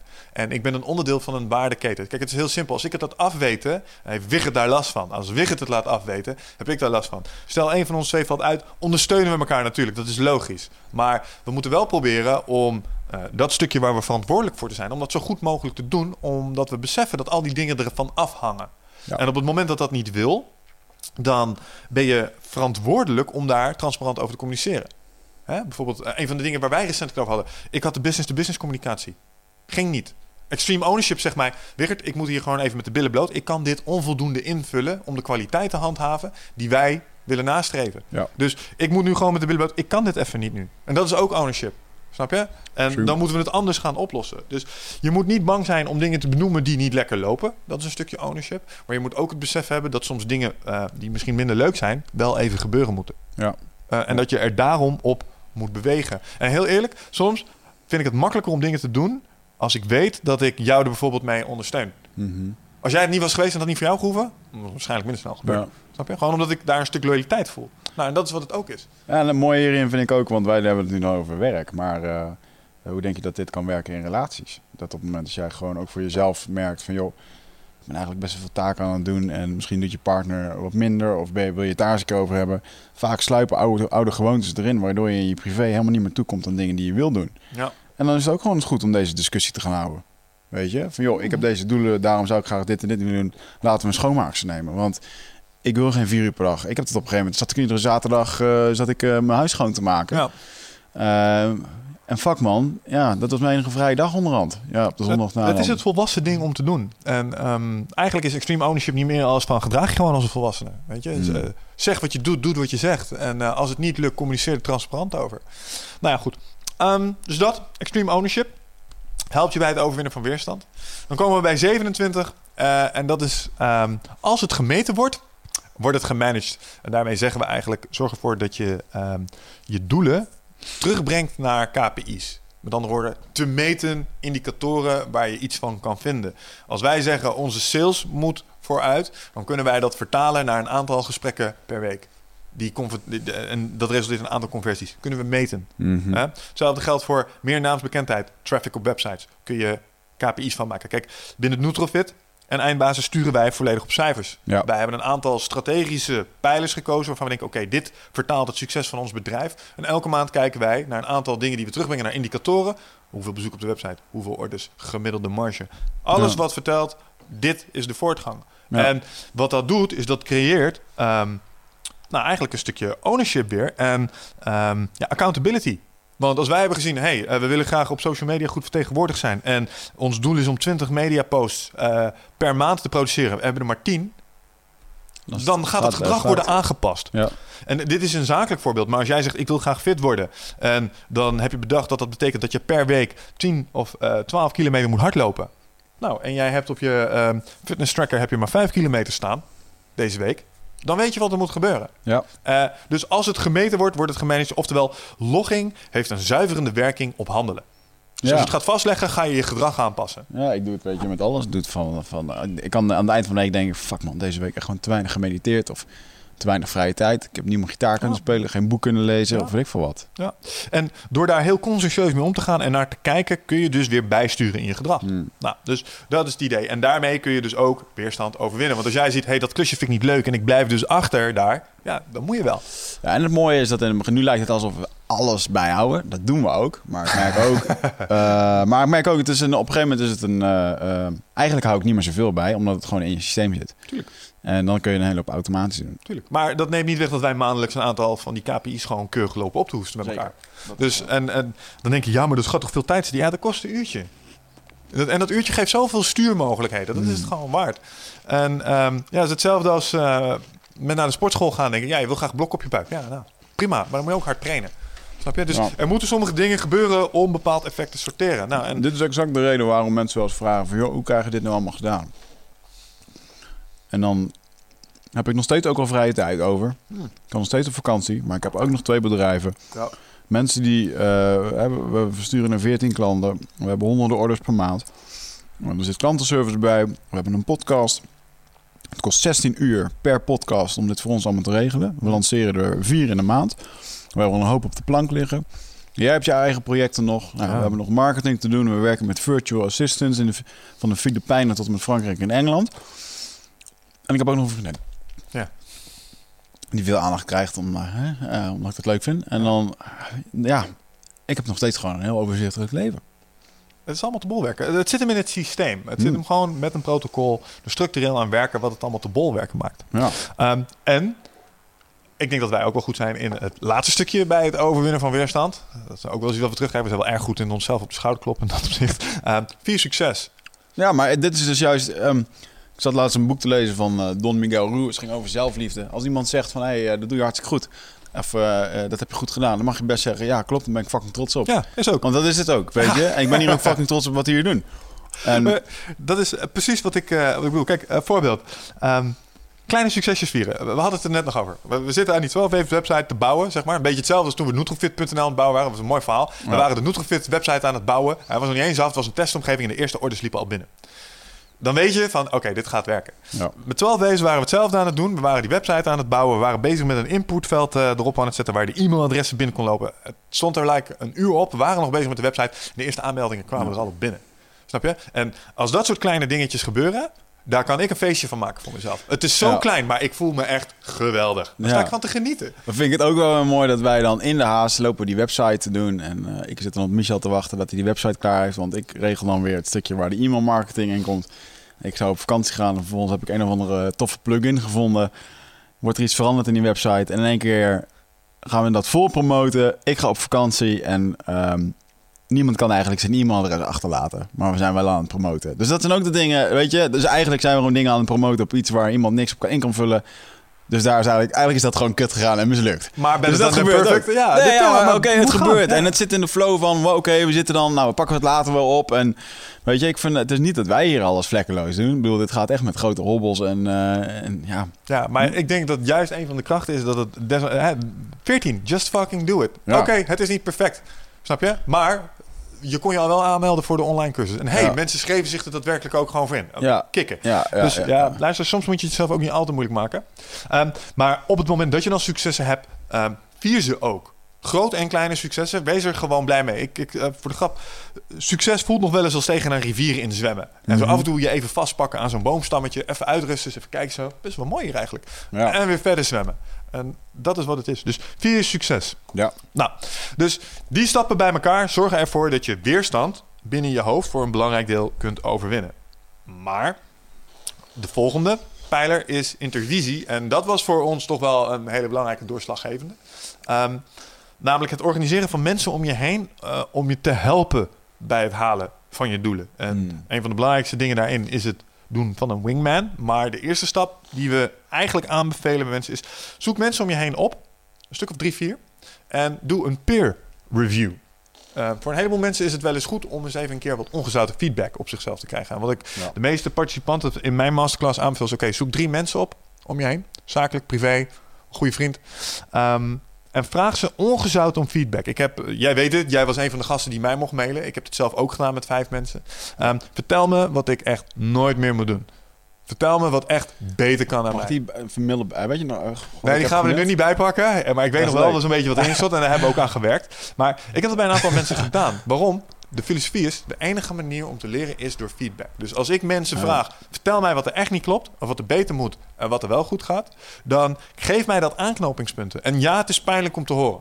Soms. Het is niet altijd leuk, snap je? Een van de dingen die jij zei van, weet ik nog heel goed, als jij Shroomtech Sport uitlegt, dan vertel je er altijd even bij dat je met uh, wedstrijd kickboxers kickbokst. Alsof je jezelf even wil neerzetten als vechter. Oh, Dan denk ik van, is ja, ik ben wel een beetje aan het posen daar. Ja, moet ik misschien maar eens niet doen, weet je wel? Eigenlijk in eerste instantie hoor denk je, auw. Ja, Maar het is wel goed om eens even een keer te horen hoe dat gepercipieerd wordt. Snap je? ja, ja, ja. Dus ja, nee, 100% waar. Dus vraag om ongezouten feedback. Dat is de eerste stap daar. Ja, ik denk dat elke coach die eh, zal dit zeggen, elke coach die werkt volgens het principe van Think and Grow Rich, eh, heeft ermee te maken dat je je dreamteam ook moet vinden. En dat kan zijn in de vorm van een mentor, in de vorm van een paar vrienden die jou scherp houden, of een mastermind clubje, eh, of mensen waarmee je samen je bedrijf gaat doen. Maar dan moet je wel met mensen zijn die, eh, die een spiegel voor je kunnen zijn. Nou goed, ehm, dus dat is de eerste stap voor een stukje intervisie. En vaak zien we dat de mensen die, die je betrekt bij die eerste vraagronde, zeg maar, dus eh ongezouten feedback vragen, ehm, dat die ook wel zeer geschikt zijn voor de volgende stap, namelijk selecteer een wingman. En eh, met een wingman bedoelen we niet iemand die assisteert bij het oppikken van dames in de club, zoals dat in de PUA-scene is. Maar daarmee refereren we eigenlijk meer naar eh, Goose uit Top Gun. Wat we eigenlijk zeggen is: Let me be the Goose to your Maverick. Maverick was de hoofdrolspeler in dat verhaal. En wat we eigenlijk zeggen is: Je hebt iemand nodig die je verhaal kent, die met je meedenkt en waar je zo af en toe even tegenaan kan klankborden. En ehm, waar je vervolgens afspraken mee maakt over wat je gaat doen om er te komen. Kijk, ehm, wat we eigenlijk iedereen aanbevelen is: zorg dat je één persoon hebt waar je een aantal dingen mee gaat doen. En ehm, op het moment dat je die persoon hebt geselecteerd, dus dat is stap 30, selecteer een wingman, ga je de volgende stappen doen. En de eerste stap daarbij is share your story. Wederom. Dus zorg ervoor dat je je verhaal deelt met iemand die je gaat helpen bij het behalen daarvan. En die kun je net, eh, zeg maar, dat was ook een eerste stap, namelijk share your story in het goal setten verhaal. Maar je gaat dit iteratief met die persoon doen. Dus dat eerste stukje ga je eigenlijk elke maand, ga je weer voor een belangrijk deel overnieuw doen. Dus je blijft je verhaal delen. En je verhaal in maand 1 is niet meer het verhaal in maand 3. En daarom is het zo belangrijk om dat te blijven doen. Wat je ook doet met je wingman is je wekelijkse en je maandelijkse retro's inplannen. In het stukje workflow gaan we ook praten over reviews. Een belangrijk onderdeel van je workflow. Dus dat je structureel terugkomt in de systemen. Er zitten twee standaard momenten in. Je weekly review en je monthly retro. Die we er straks hebben bedacht. En die ga je vanaf dat moment samen met je wingman doen. Gewoon in een gesprek, in een dialoog. En dan denken mensen, ja, maar moet ik dan elke week een uur met die mensen praten? Nee, dat duurt eh 20 minuutjes of zo. Nog niet eens. Nog niet eens. W- Wij kunnen het in, eh, in 10 tot 15 minuten zo af en toe. Ehm, die monthly retro's die duren iets langer. Maar het is wel een heel waardevol moment om even pas op de plaats te maken. En het is een uurtje in de maand. Kom op jongens. Wij maken niet wijs dat dat Ja. te veel tijd is voor iets wat zoveel waarde biedt. Eigenlijk is dit gewoon het, eh, het gesprekje met je coach. Ja. Weet je, dus die, het mag ook met een mentor of met wat dan ook. Eh, maar het is wel gewoon.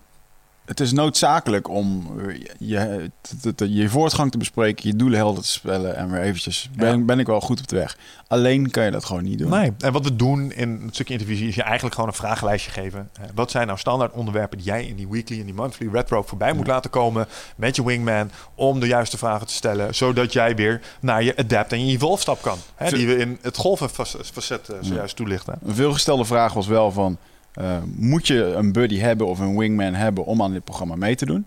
Eh, nou goed, dat is natuurlijk aan jezelf of dat je daar eh, mee wil doen met het, met het 12 weken programma. Is het fijn om dit gewoon... Je moet toch naar andere mensen, je moet het aan andere mensen laten zien. Luister, ik ik vind van wel. Ehm, ik denk ook dat het te organiseren is ehm, voor mensen. En ja, kijk, in het jaarprogramma faciliteren we, dan krijg je er gewoon één aangewezen. Ah ja, bij wijze van spreken, koop een programma voor jezelf. Neem een vriend erin mee en eh, doe het lekker met z'n tweeën. Ook helemaal prima, Ja. weet je. Eh, en anders zeg je tegen een vriend van... joh, ik ga jou gewoon ieder eh, vrijdag ga ik jou een lijstje sturen. En dat- Ja. met wat ik heb gedaan. Dit is echt een van de punten waar je op de meest korte termijn de meeste impact kan hebben. Dat zeg ik tegen Ja. mensen. Jij kunt morgen een wingman hebben. Jij kunt dit morgen hebben staan. Dat, dat kost je niks. En moet je zien wat dat je al aan benefits geeft. En wat ik een hele sterke vind, en wat ik eh, zelf eh, heb gedaan, was toen het moment toen ik bij een multinational werkte. eh, en ik wilde daar carrière maken. Toen heb ik daar eh, zelf mijn eigen manager ehm, een voorstel gemaild over wat ik allemaal ging doen. Productiviteit, ja. En dat ik dat aan hem ging laten zien. En daar had hij niet om gevraagd. Het was gewoon puur mijn eigen initiatief. En dan is het ook in één keer aan mij van... oké, je belooft dit nu aan je manager. Ja. Dit is het moment om te laten zien of dat je eh, je afspraken nakomt... of je accountable bent. Want dit zijn de dingen die worden meegenomen in de gesprekken... omtrent nieuwe functies en andere dingen. ja. Ehm hey, dat is ook een manier van accountability Ja, invullen. 100%. En ik denk dat de medeleidinggevende echt super blij zou zijn met een dergelijk initiatief. Want dat is het type medewerker waar je op zit te wachten, toch? Iemand die proactief nadenkt over waar hij heen wil binnen de organisatie en daar je organisatie ook Ja, Nou ja, goed. Dus ehm, die wingman daarbij betrekken bij het formuleren van je plannen is erg belangrijk. Je kunt het inderdaad op de manier inrichten zoals Wicht zegt. Je kan er mensen uit je omgeving bij organiseren. En naast die monthly, weekly, eh, monthly en weekly retrospectives ga je ook, ehm, en dat komt rechtstreeks uit het scrummen, een daily stand-up inplannen. En wat is dat? Ehm, een daily stand-up en Scrumland is eigenlijk niet meer als met je team even bij elkaar staan. Ze noemen het een stand-up omdat je niet mag zitten. Het moet Mhm. kort zijn. Hè, want eh, die teamoverleggen van twee uur, daar haakt iedereen altijd op af. Ja. Dus iedereen mag één minuutje een aantal dingen vertellen. Wat heb ik gisteren gedaan? Wat ga ik vandaag doen? En wat is de kutklus van de dag? En je merkt dat als je die drie dingen uitspreekt, dat er iets magisch gebeurt. Want op het moment dat ik op dag één tegen Wicht stel... ja, de kutklus van vandaag is de facturatie... en ik kom de volgende dag bij hem terug en hij vraagt... hoe was het met de facturatie? Dat ik het heel moeilijk vind om te zeggen dat ik het niet gedaan heb. Mhm. In het uitspreken naar jou toe zit al een soort borging van het daadwerkelijk uitvoeren. Nou, hoe lossen wij dat op? Ehm, in 12 Waves, heel simpel. Wij vertellen je eigenlijk gewoon met je wingman elke dag even deze drie vragen beantwoorden in een WhatsApp berichtje ingesproken van een minuutje. Ja. En het gaat niet eens om het feit dat er iemand direct luistert. Nee, het zit hem in het uitspreken ervan. En het weten dat iemand ernaar luistert en de volgende dag er iets van vindt. Dat is genoeg. Bij Scrum werkt dat fantastisch. En binnen 12 Waves is dat een van de sterkste tools die we hebben. Het Ja. gewoon ownership en accountability afgeven op je kikkers. Ja. Ja, En- en je ziet het ook in elke, eigenlijk in elke cursus waar ik nu eh, nog instap als het gaat om persoonlijk leiderschap. Eh, wordt dit wel toegevoegd. Het hebben van een mastermind groepje. Ja. Waarbij je echt die accountability, eh, het zoeken van buddies. eh, ik zie zoals bijvoorbeeld Michael Pilarczyk heeft dan nu ook een eigen Facebookgroep. Lewis House heeft het ook. Er worden mensen geconnect bij elkaar gezet. Ja. eh, gevorderd, niet gevorderd bij elkaar. En dus toch vind ik daar het commitment eigenlijk iets te klein. Omdat het in een één op één dynamiek is er veel meer ownership. Oh, het ligt eraan hoe dat je het inricht Ja. inderdaad. Maar dit, dit systeem, ja, nou ja, het- ik zie hoe dat, dat werkt bij een 12 Waves. En ja, tuurlijk, je, Ja. je- je hebt als het ware een buddy, weet je wel.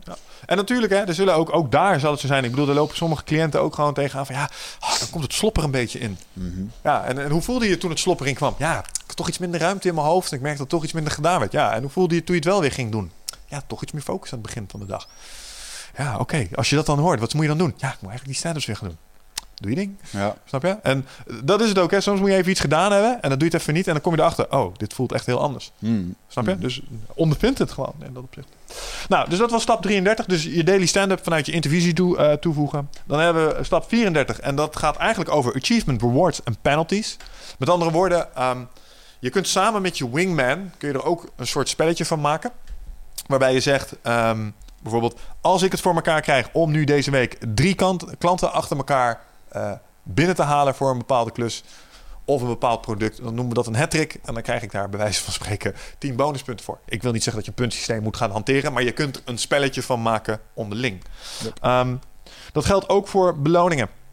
Dus als je iets heel goed doet, kun je ook zeggen: hey, ehm, het sluit aan bij het loot aspect. Eigenlijk deel je het loot aspect met je wingman. Als ik deze maand het goed doe, dan mag ik die virtual reality set hebben. Hartstikke top. En hij kun je tegen hem vertellen en hij is dan blij voor je. En dat maakt het extra leuk. Ehm, maar wat er ook bij hoort, en dat is eh, volgens mij Lewis House deed dat volgens mij ook met donaties aan goede doelen, zijn penalties. School of Pencils moesten wij aan doneren op het moment als we onze, moesten Pencils. onze opdrachten insturen. En dat is een organisatie die, eh, die scholen bouwt in eh, ontwikkelingslanden. Ja, mooi. En ehm, ja, vervolgens eh, moest je dat dus gewoon insturen. En als je te laat, ja, dan had je de commitment om daar eh, een Ja. aantal dollar heen te sturen. Ik vind dat te makkelijk. Ik vind dat we het gewoon moeten be- eh, bekopen met burpees. Burpees of push-ups. Ja, of gewoon een pak slaag. Ja, pak sla. Verplicht even een, eh, een half uurtje de ring in met Wiggert of Michel als het niet gelukt is. We zien dat er zich allemaal van die MMA-buffels inschrijven. je. Gilbert Eiffel, dit eh Ja. is niet jou Ja, jij mag niet meedoen. Er ook niet. Rico Verhoeven, blijf maar thuis. Ja. Nee, maar dat is wel, ja, nee, maar dat is ook jezelf gewoon eh accountable stellen. En Tuurlijk. je het in een bedrijf gebeurt het ook vaak. Als jij je, je targets haalt, word je beloond. Nou ja, Ja, en op het moment dat je niet je targets haalt, dan krijg je waarschijnlijk een waarschuwing of word je ontslagen. Ja, en dit moet je niet te zwaar maken. Wat we hier eigenlijk eh aanboren is het concept van gamification. Eh, we geven je een, in deze stap geef je een aantal eh, tools. Je hebt bijvoorbeeld, ik geloof uh, liverpg.com of zo. Ehm, dan kun je dit soort dingetjes, als je taaklijstje afvindt, krijg je de puntjes voor. Het gaat erom dat het motiverend werkt om samen met iemand een aantal doelen te hebben. En op het moment dat je echt ehm, iets niet doet wat je wel hebt afgesproken, als daar sancties tegenover staan, dan kan dat ook je gedrag Mhm. ten goede beïnvloeden. Dus daar eh, geef je een raamwerk voor.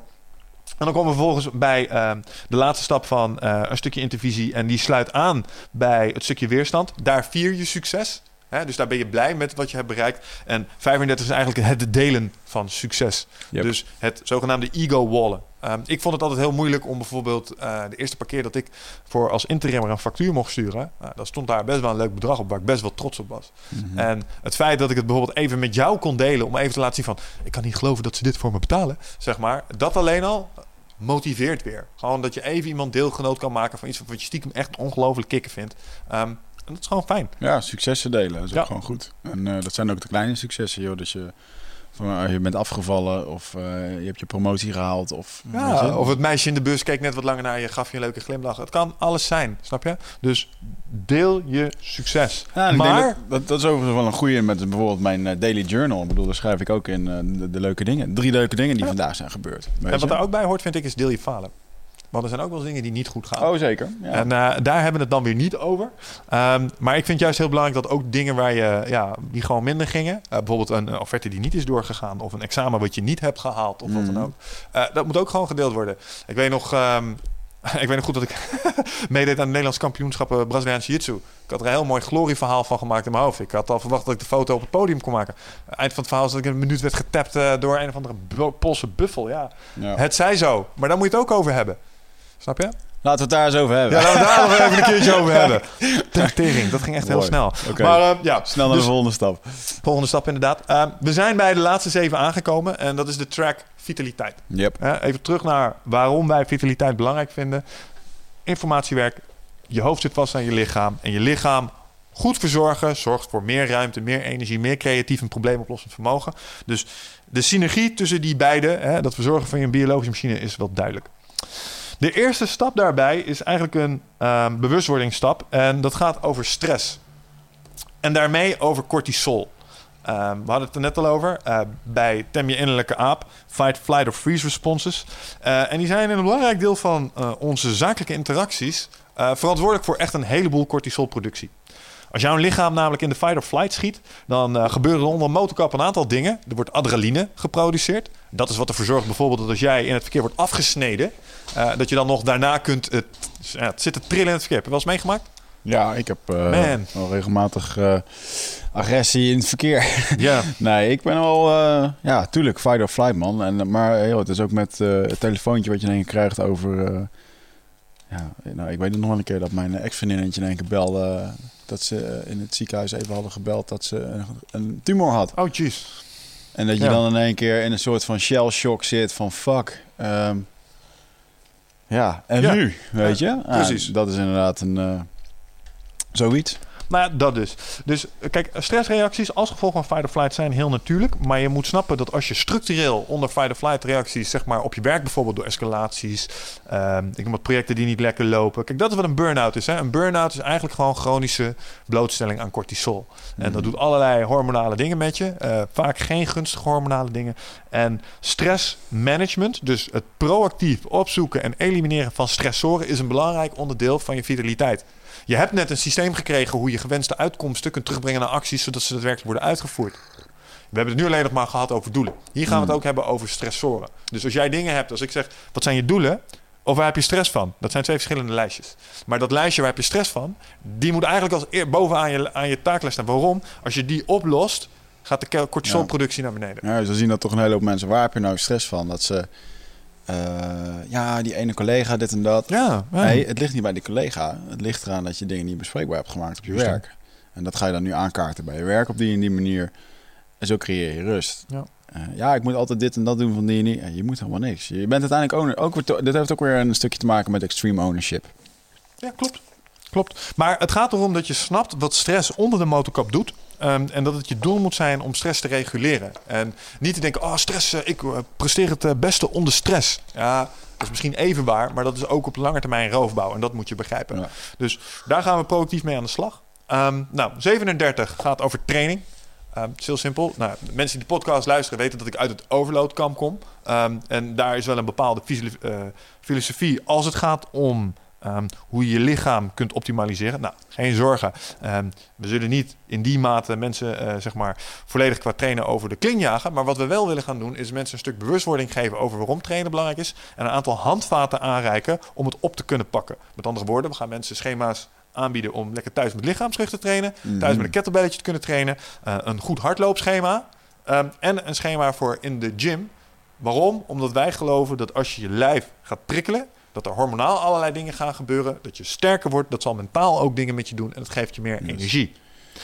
Nou, daar gaan we kennis over aanreiken. Neem niet weg overigens dat de mensen die niet in de gym willen trainen... of gewoon lekker willen tennissen of badminton drie keer per week doen... dat het ook helemaal top is. Want Ja. je kunt daar ook je eigen draai in geven. Maar het is 100%. in ieder geval een paar handvaten. Nou ja, het gaat met Eh. name om die mensen die eh, wel willen, maar nog niet zo we- goed weten hoe. Mhm. Snap je? En ook daar geloven we weer in. eh, Big Bang implementaties werken niet. Dus je moet niet en willen proberen om dit hele systeem te gaan handhaven. En meteen op dag één ook als een malle te gaan trainen. Nee, dat moet je uitbouwen. En die vitaliteitstrack die begint met eh, typisch aan het eind van de 12 weken. Hè, want dan heb je je systeem staan. En dan kun je dat als gewenste uitkomst aan toevoegen. En kun je dat dus gaan allocaten in het hele systeem. Hetzelfde geldt voor voeding. Dat is stap 38. Ehm, met dat mensen gaan trainen vaak, merken ze ook dat ehm, het er wel toe doet wat je eet voor je training. Hè? Dat het het effect beïnvloedt. Mhm. Ehm, en dat is vaak een heel mooi moment om mensen ook eh, te laten nadenken over... maar moet je nagaan wat het nog meer kan doen dan. Hè? Voeding kan, en dat zou elke informatiewerker eh, interessant moeten vinden... heeft een aantoonbaar verbeterend effect op je concentratievermogen... je korte en lange termijn geheugen en je probleemoplossend vermogen. Dus door gewoon schoner te eten, verbeter je die zaken. Holy shit. Dat, dat zou iedereen moeten willen die in dat werk zit. Snap je? Ja, je kan je productiviteit echt gewoon verdubbelen door eh, het eten wat je eet. En ook door een stukje bewustwording. Yep. Waarom je altijd die, die middagdip hebt als je uit de lunch komt van je werk. Omdat je zes boterhammen weg hebt gegeten. Ja, dude, daar is een, daar is een blauwdruk voor om dat niet meer te hebben, weet je wel. En ook hoe je je ontbijt eh, inricht. En ook daar moet je lekker in vinden wat je zelf vindt. Maar voeding is wel echt, joh, het is de basis. Anders kan je niet eens Ja, en dan gaan we een paar heilige huisjes omschoppen. Maar eerlijk, ja, interesseert niet. Want dit is wel een optimalere manier vaak van eh, voeding tot je nemen. Als dat, als dat de gemiddelde Nederlander doet. En er is nog zoveel winst te halen. Hetzelfde geldt voor bewegen. Ja. Hè? De meeste mensen die op de bank zitten, die snappen niet dat het verschil tussen iets doen en niets doen fenomenaal is. Dus al ga je maar een klein beetje doen, dan Mhm. ga je daar al zoveel benefits van hebben. Yep. En vaak is dat het begin van een reis. Nou ja, goed. Ehm, dus dat is voeding. Nummer 39 als het gaat om vitaliteit is ademhaling. Breathing. Eh diafragmatisch ademen. Ehm, meditatieve oefeningen. Ik geloof dat je het niet de Wim Hof methode mag noemen. Maar ehm, feitelijk die techniek gaan we je bijbrengen. Omdat het een aantoonbare verbeterende werking op je immuunsysteem heeft. Eigenlijk is het de basis gewoon het ademen via je diafragma. Dus eh, dat je ademt via je buik en niet meer via je schouders. Wat een hele hoop mensen doen door stress of gewoon verkeerd aangeleerd. En als baby ademen we allemaal goed. Maar ja, op een gegeven moment om een of andere reden eh, leren we dat af. En ja, zijn mensen dus gewoon niet continu met een motortje bezig... wat genoeg benzine eh binnen ingespoten krijgt. En dat kan je door middel van een goede ademhaling. Ik heb er onwijs veel winst in behaald door eh, eh, ja, die ademhalingmethode Ja. veel te doen s ochtends. Je wordt er vitaler van en het gaat stromen in je lichaam. En je kunt daar een energetisch labeltje aan hangen dat in één keer dat je je energie beter gaat stromen door heel je lichaam. En eigenlijk is dat bijvoorbeeld in verschillende yoga-stromen is dat eigenlijk de basis dat je goed ademhaalt, zodat het overal in je lichaam komt en niet alleen ja, ja, niet een beetje in je hersenen en dan ook net niet genoeg eigenlijk. ja, natuurlijk komt het overal wel, maar uiteindelijk is het zo dat je gewoon, je kan alles gewoon lekker laten stromen. En Nou, het is heel duidelijk. Als jij ehm, gestrest bent en je gaat heel kort in je lucht zitten, krijg je minder ruimte in je hoofd. Ja. Ontspan je, haal je diep neus, mond adem. Wat wij, elke vechtsporttraining is een beetje het eind hoe je afsluit. Reguleer je ademhaling, neus, mond, via je buik, via je haren. mm, Dan voel je gewoon ruimte in je hoofd ontstaan. Je wordt helder, je wordt rustig, kalm. ja, Je kan beter nadenken. Dus ademhaling, erg belangrijk als het gaat om vitaliteit. Niet miste, en die moet je dus inderdaad niet verwarren, want het gaat hier echt om de fysieke handeling van het ademhalen met de volgende stap. En dat is 40, en dat is een stukje mindfulness. Ja. Er zijn heel veel mindfulness dingen, bijvoorbeeld meditaties die zich richten op, eh, op één punt. Eenpuntige meditatie noemen ze dat dan, waarbij je Mhm. bijvoorbeeld eh, eh, gaat tellen. Omdat je het op een bepaalde tel doet, 1 tot 10. Maar het kan ook op je ademhaling. Eh, ja, weet je, je kunt bijvoorbeeld concentreren puur alleen op je adem, zodat je zo min mogelijk, dat je één focuspunt hebt. Ja. En het mooie is als je dat gaat aanleren, dat je op een gegeven moment ook zult merken dat op het moment dat je aan het werk bent, dat je op één ding aan het focussen bent. Dat je daar gewoon daar eventjes in kan zitten, zonder dat honderd dingen door je hoofd heen gaan. Ja, het is, eh, dus het, is een, ehm, het zijn technieken om in je flow te komen in combinatie met ademhaling. Maar wat het ook is, is een tool voor stressregulatie. En wat we je proberen te leren zijn inzichten dat jij niet je gedachten bent. Hè, Mm. Soms kom je in stresssituaties terecht en dan zie je allerlei gedachten opborrelen, waar ook weer allerlei gevoelens bij komen kijken. Die herkennen en laten gaan. ehm, is ook een belangrijk onderdeel van stressregulatie en verbetert je dus je vitaliteit mee. Ja. Dus vandaar dat we daar ook aandacht aan eh, willen besteden. Nou, dan komen we bij de laatste twee. En die hebben heel veel met elkaar te maken. Ehm, en we beginnen met nummer 41. En dat was eigenlijk waar we mee begonnen toen we het hadden over het open source protocol. Namelijk de wet van de wederkerigheid. Wij denken dat je ongelooflijk, wij ondervinden, Mm. dat je ongelooflijk veel energie krijgt van dingen geven. Ja. Ik bedoel, ehm, even los van wat je, wat, de- wat je van deze podcast vindt. Ik vind ze elke keer eh, naast een cadeautje voor onszelf... toch ook wel weer een cadeautje naar de mensen toe. Want je levert best wel leuke gratis content. Daar Ja. krijgen we ook heel erg veel reactie op. En je merkt daar gewoon, goed doet, goed ontmoet. Ja. Want er zit niet echt een businessmodel achter. Weet je, we zijn dit gewoon gaan doen en mensen worden daar enthousiast van. En mensen ga je dan plots ook dingen gunnen. En mensen ga je positieve energie sturen. En dat neem je weer mee. En eh, daardoor word je bevestigd in je richting. En ga je eigenlijk nog meer energie geven. Dus het genereert energie. Ja, Ja. plus nou, het staat nu allemaal online en eh, er zijn nog een hele hoop mensen die ons ontdekken. Het sneeuwbaleffect wordt alleen maar groter. Ja. Weet je? Ja, dat merk ik de laatste tijd als ik op eh, mijn telefoon kijk. Dat, de, eh, zeg maar, Facebook Hmm. mensen. Mensen die zeg maar, ons beginnen te volgen op Facebook, eh, YouTube en dat soort dingen. Eerst was je blij als je er één of twee per week had. En nu als het dagelijks drie, vier. Je merkt dat het begint te cumuleren, zeg Ja, maar. Dat ja. is echt wel heel grappig om te zien. Maar wat je daar dus merkt is dat door dingen te geven komen er ook dingen terug. En we willen iedereen, willen we dat eigenlijk gunnen door, als je dan na aan het denken bent over je toekomst, ga dan ook eens nadenken over wat je kunt gaan geven. Want het voelt echt ongelooflijk goed om te kunnen bijdragen. Ja. Ja, ik En bijvoorbeeld... eh, dat, Hm? dat is iets wat jij, als je dit beluistert, jij kunt ook bijdragen. En dat hoeft niet in de vorm van een podcast te zijn of zo. Dat kan zelfs zo zijn door bijvoorbeeld, ehm, zag ik laatst, dat, dat vind ik dan altijd ehm, ja, ontroerend. Dat zijn mensen die gaan dan met ouderen op stap. Hè? Dat is echt vrijwilligerswerk. Die gaan dan een, eh, een dag bijvoorbeeld met iemand die in een bejaardenhuis zit, gaan ze gewoon lekker naar de stad. Gaan ze een kopje koffie drinken met die meneer of die mevrouw, weet je wel. En die mensen Ja. hebben de dag van hun leven. Dat is ook geven. Dat is super mooi, man. Ja, ik heb zelf eh, vorig jaar me aangemeld bij de Voedselbank om daar eh, wat eh, vrijwilligerswerk te doen. Ja. Dat was eigenlijk toen ik in het herstel zat van eh, mijn burn-out. En dat klinkt heel zwaar, maar herstel. Ik heb nooit thuis gezeten, want ik, ik had gewoon een eigen bedrijf. Dus ik moest doorwerken, maar ik mocht het wel in één keer wat rustiger aan doen van mezelf. Ja. En toen ben ik in één keer tijd voor dit soort dingen gaan maken. Ja. En het is best wel lachen, man, om gewoon, ja, om daar eens eventjes wat energie in te steken. Of gewoon bewust eens eventjes te gaan kijken naar wat je voor anderen kan doen. En dat kan ook zijn voor vrienden, om een keertje te helpen of een keertje iemand extra op te zoeken. Eh, ja, in ieder geval, ik, vind, ik, ik moet ook gewoon wel zeggen dat je moet ook zeker aan jezelf denken. Ehm, dus eh, het, eh, ja, het moet niet ten, ten koste gaan van jezelf. Nee. Eh, zeker als je lekker druk bezig bent met planningen en dat soort dingen. Maar ik denk uiteindelijk wel dat het, zeker als je ook bijvoorbeeld een business hebt. Ja, ehm, ik denk dat je straks als bedrijf geen bestaansreden meer hebt op het moment dat je niks teruggeeft. Nee, ik denk dat je ook echt je best moet doen om ja, de furthering of mankind, zeg maar. Je moet iets proberen te doen om ervoor te zorgen dat het hier voor iedereen een stukje beter Ja. wordt. En op het moment dat dat echt eh, begint te werken en het begint iets te doen, dan ga je echt een heleboel genoegdoening uithalen. En als je het nou hebt over waar vrienden het over zullen hebben op het moment dat jij komt overlijden. Dan zeggen ze, ja, gast die werkte gewoon, hij deed dit, hij deed zus. Daar deed hij zijn vrijwilligerswerk, hij hielp altijd daar. Ja. Oh, het was een goede kerel. En dan gaat het echt niet over dat je eh, zo- zo- zo'n harde, hardwerkende accountmanager was. Nee, ik denk het niet. Nou ja, niks mis met hardwerkende accountmanagers. Dat is ja, ook belangrijk, moet ook gewoon gebeuren. Maar desondanks kan iedereen in zijn leven iets van een... Hè, wij noemen dat dan onze charitable mission. Hmm. Dus iets vinden waarmee je iets kan doen wat niet alleen voor jezelf is, maar ook voor anderen. Dus ga geven en voel wat dat doet in de uitwisseling van energie. Dat Ja. is eigenlijk het enige wat we je daarin willen gunnen. En ja, daarmee komen we dan eigenlijk bij stap 42, want het begint daarmee ook iets eh, eigenlijk zweveriger te worden. Mm. Ehm, maar dat hoeft niet erg te zijn. Want stap 42 is wat wij noemen entheogenics. En dat is eigenlijk een verwijzing naar nou ja, wat ze dan eh, plantmedicijn noemen. Dat zijn eigenlijk geestverruimende middelen. Psychedelische middelen. En het En, is... ja, entheogenics betekent eigenlijk in het Latijns... De, eh, betekent eh, eh, de god.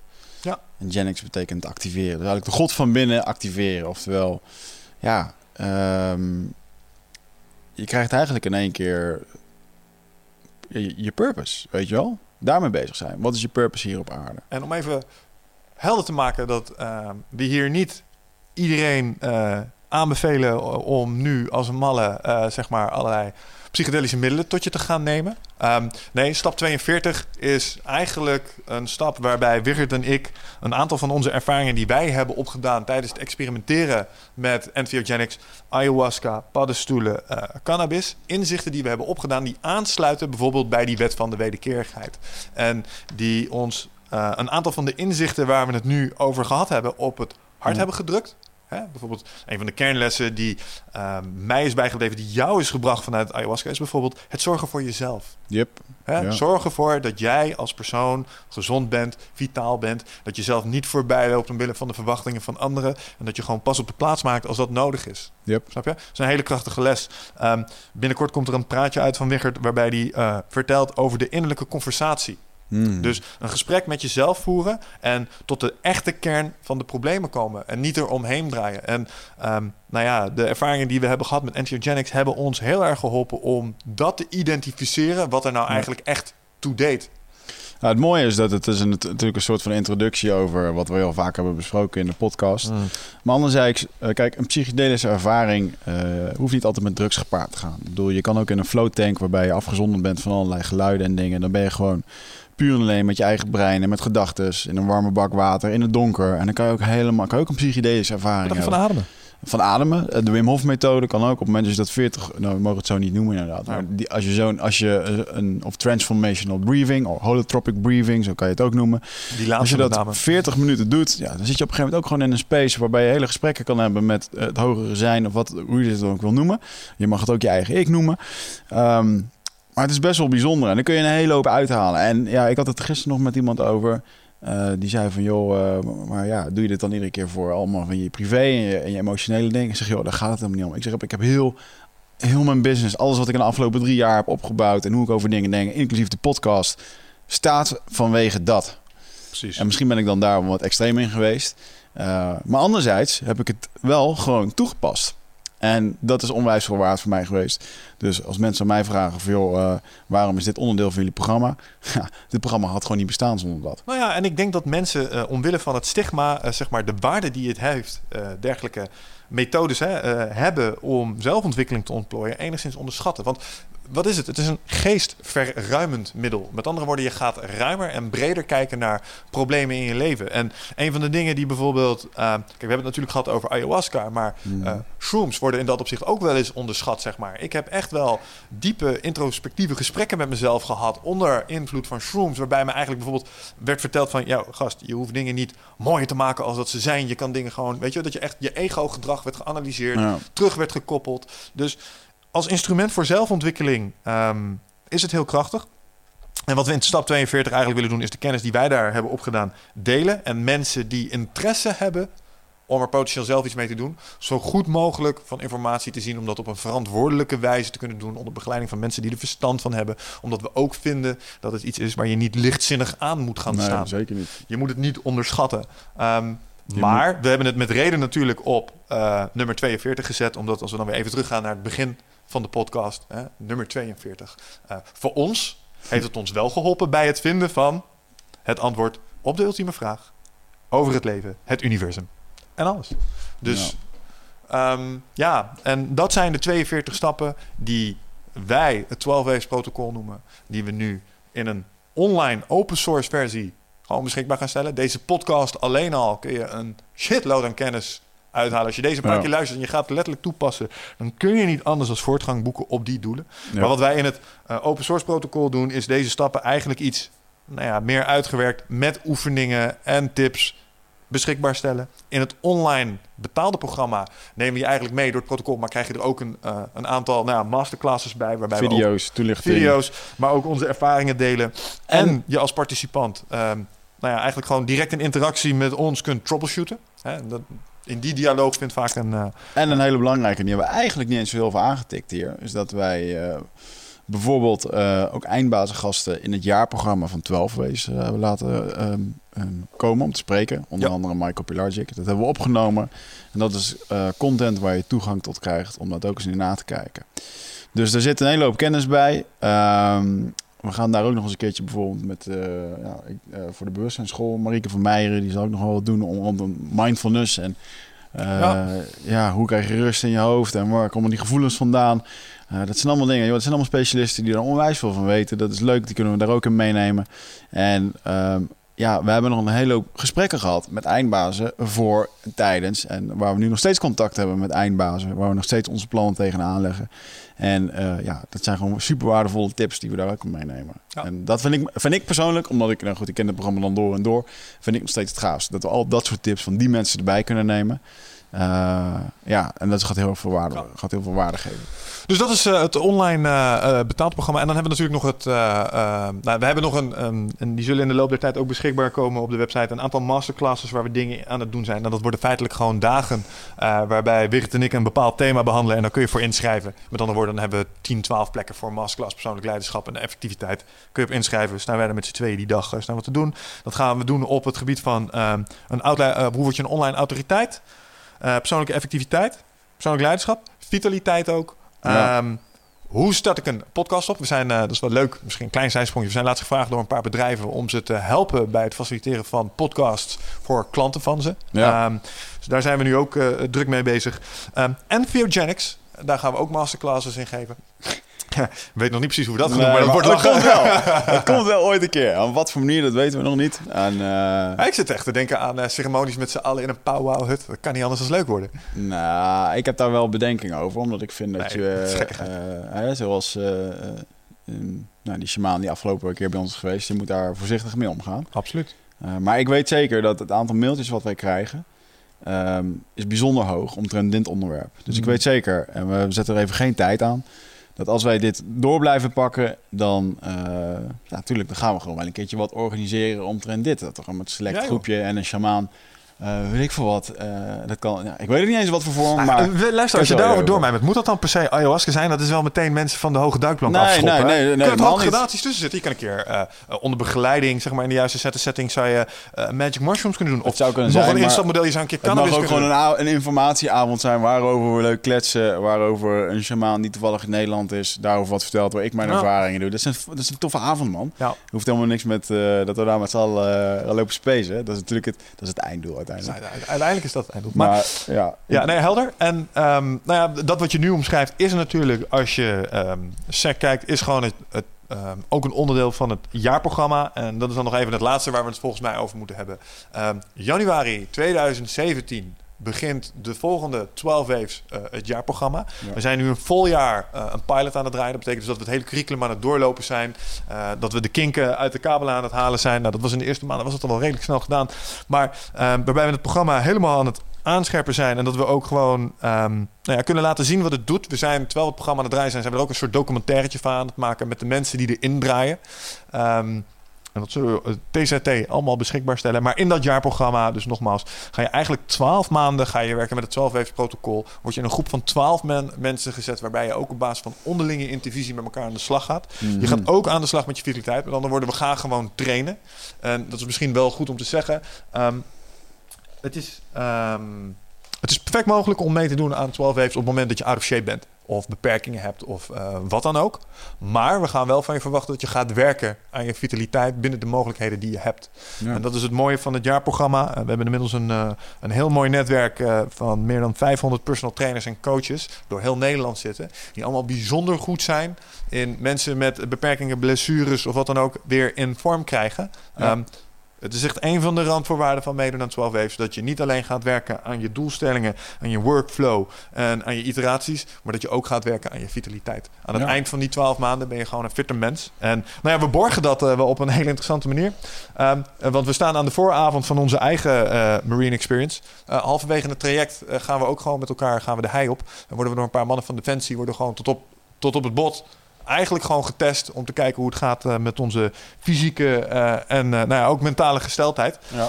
Ehm, dus het is in dat opzicht niet voor iedereen. Maar wij denken dat die ontberingen ehm, doorstaan en jezelf toewerken naar die mate van vitaliteit je echt gaat helpen bij het halen van je. Ja, ik denk dat het jaarprogramma gewoon is voor degene die. Ja, als je, dat moet je echt willen, anders dan ga je Ja. het ook niet doen. En er Nou ja, zit ook, anders een, ander, er zit ook een ander prijskaartje aan. Eh, maar fuck man, je krijgt wel gewoon les van eh, eindbazen iedere twaalf keer per jaar. Als je dat normaal bij elkaar optelt, dan ben je al eh, drie keer zoveel kwijt. Ja. En de ervaringen gaan wel gewoon niet alleen voor op de werkvloer. Je leert jezelf ook gewoon kennen. Het zijn toffe ervaringen. Je leert gecoacht heel erg gestructureerd werken. En ja, Als ik dan kijk Ja. naar... ik, ik denk wat ik wel mooi vind is de continuïteit van een jaar. Op het moment dat je één keer naar een cursus gaat... Oké, dan is dat één keer die cursus. En hopelijk doe je dat een paar weken. Maar het merendeel van de mensen gaat naar huis en doet er eigenlijk niks meer mee. Nou, en dat is de spijker op zijn kop. Het gaat om het borgen. Het gaat om de internalisatie. Je gaat dit niet in twee maanden leren. Daar Nee. ga je langer voor nodig hebben. Gewoontes vormen pas na 45 dagen, geloof ik. Of 42 dagen. Zou nog mooi zijn. Gelet op 12 waves. Maar ehm, je hebt een aantal maanden nodig om die dingen je eigen te maken. En we gaan hier op een x-aantal sporen bewegen. Effectiviteit, Mhm. leiderschap, vitaliteit en mindgame. Ik denk dat je daar wel vier keer drie maanden voor nodig hebt. Dus een jaar om al die dingen je eigen te gaan maken. En dat is waarom dat jaarprogramma 12 maanden duurt. En dat is waarom we elkaar elke maand weer wijzen op de procedures, de protocollen. elkaar blijven ondersteunen. Maar elkaar ook aanspreken bijvoorbeeld op het... eh, bijvoorbeeld, ah, laatste keer, een paar jongens. Ja, de stand-up komt niet zo goed van de grond. Hé hey jongens, kan niet hè. Stand-up is een belangrijke pijler. Dus daar ook gewoon echt in worden ondersteund. En op momenten dat de wilskracht even terugkomt... dat je ook gewoon een duwtje in je rug krijgt. Dat hoort Ja. ook gewoon bij. ja, ja, ja. Dus eh, ja, dat is eigenlijk het hele gedachtegoed eh, in een eh, inmiddels alweer bijna 2,5 durende podcast. Ja, ga daarvoor naar 12-waves.nl. Ja, En daar kan je, het, kan je inschrijven. We starten 1 juni. 1 juli. Ja, je blijft dat moeilijk vinden, hè? Nou, we starten 1 juli eh, met de online groep. En die online cursus die kost het eh, uiteraard naar het, het getal 42 420 euro. En daarmee word je drie maanden onder handen genomen. Ehm, dus ja, dat is wel echt iets waarmee je de volgende stap kan maken. We kregen een aantal vragen van mensen die op vakantie zijn. Hey, dit is een online programma, dus je kan het later gewoon Ja. inhalen. is geen probleem. Eh, heb je een buddy nodig? Ja, nou, je hebt het gehoord. Accountability is belangrijk. Je kunt er in je eentje meedoen, maar ja, het is wel fijn als je iemand erbij kan betrekken. En, eh, maar niet noodzakelijk. Tenminste, om aan een cursus mee te Ja. doen. En het gave erin is, wat ik zeker weet, dat eh, alle voorbeelden die je gaat krijgen en onze eigen ervaringen en de, de, de lessen die je wekelijks toegestuurd gaat krijgen, ja, die ga je daar gewoon stap voor stap in, in meenemen. Ehm, gaat het makkelijk zijn? Ja, dat niet. Want Nee. dat is niks. Als je vooruitgang wil, dan moet je daarvoor knokken. En ehm, anders zou iedereen het wel doen. Nou, dat is het. Nou, exact dat. Als het makkelijk was, zou iedereen het doen. Ja. En ehm, dit is niet voor iedereen. En eh, eh, ja, dan wil ik wel, weet je, een hele hoop mensen die, die, die grijpen graag naar cursussen van eh, een beter leven in zeven dagen. En ja, dat klinkt allemaal heel leuk, maar uiteindelijk is het gewoon hands-on, just fucking do it. En ja, Hey, volg als- die blauwdruk. Als de fitnessreis ons iets geleerd heeft, is dat je eh, zeg maar 20 of 30 plus jaar aan slechte gewoontes niet even in drie maanden recht trekt. Dat Mm. heeft meer tijd nodig. Ja, en die moet je zelf ook geven. En dat is ook helemaal prima. Ja. Dus, eh, goed, je kunt dus tot 1 juli eh, meedoen. Eh 420 euro. En ja, ik weet zeker dat het, het is een investering in jezelf. En ehm, ja, goed, die gaat zich ruimschoots terugbetalen. 100%. Ik heb op mijn kloten gekregen dat het weer te goedkoop weggeven. Dus, ehm, Dat horen wij wel ja, uit Ja. eh, onze branche. eh, maar er goed, zijn mensen die ons voor gek verklaren dat we het open source aanbieden. Maar we hebben besloten om het toch te doen. Want we geloven in die wet van de wederkerigheid. Ja, nou goed, dat, eh, we gaan het allemaal wel zien, man. Ik hoop dat jullie mee willen doen. En ja, kijk nogmaals op eh, 12-waves.nl. En ehm, ja, Zien we jullie weer bij de volgende podcast. top. Dank. Tot Tot, de de volgende volgende keer. Ciao.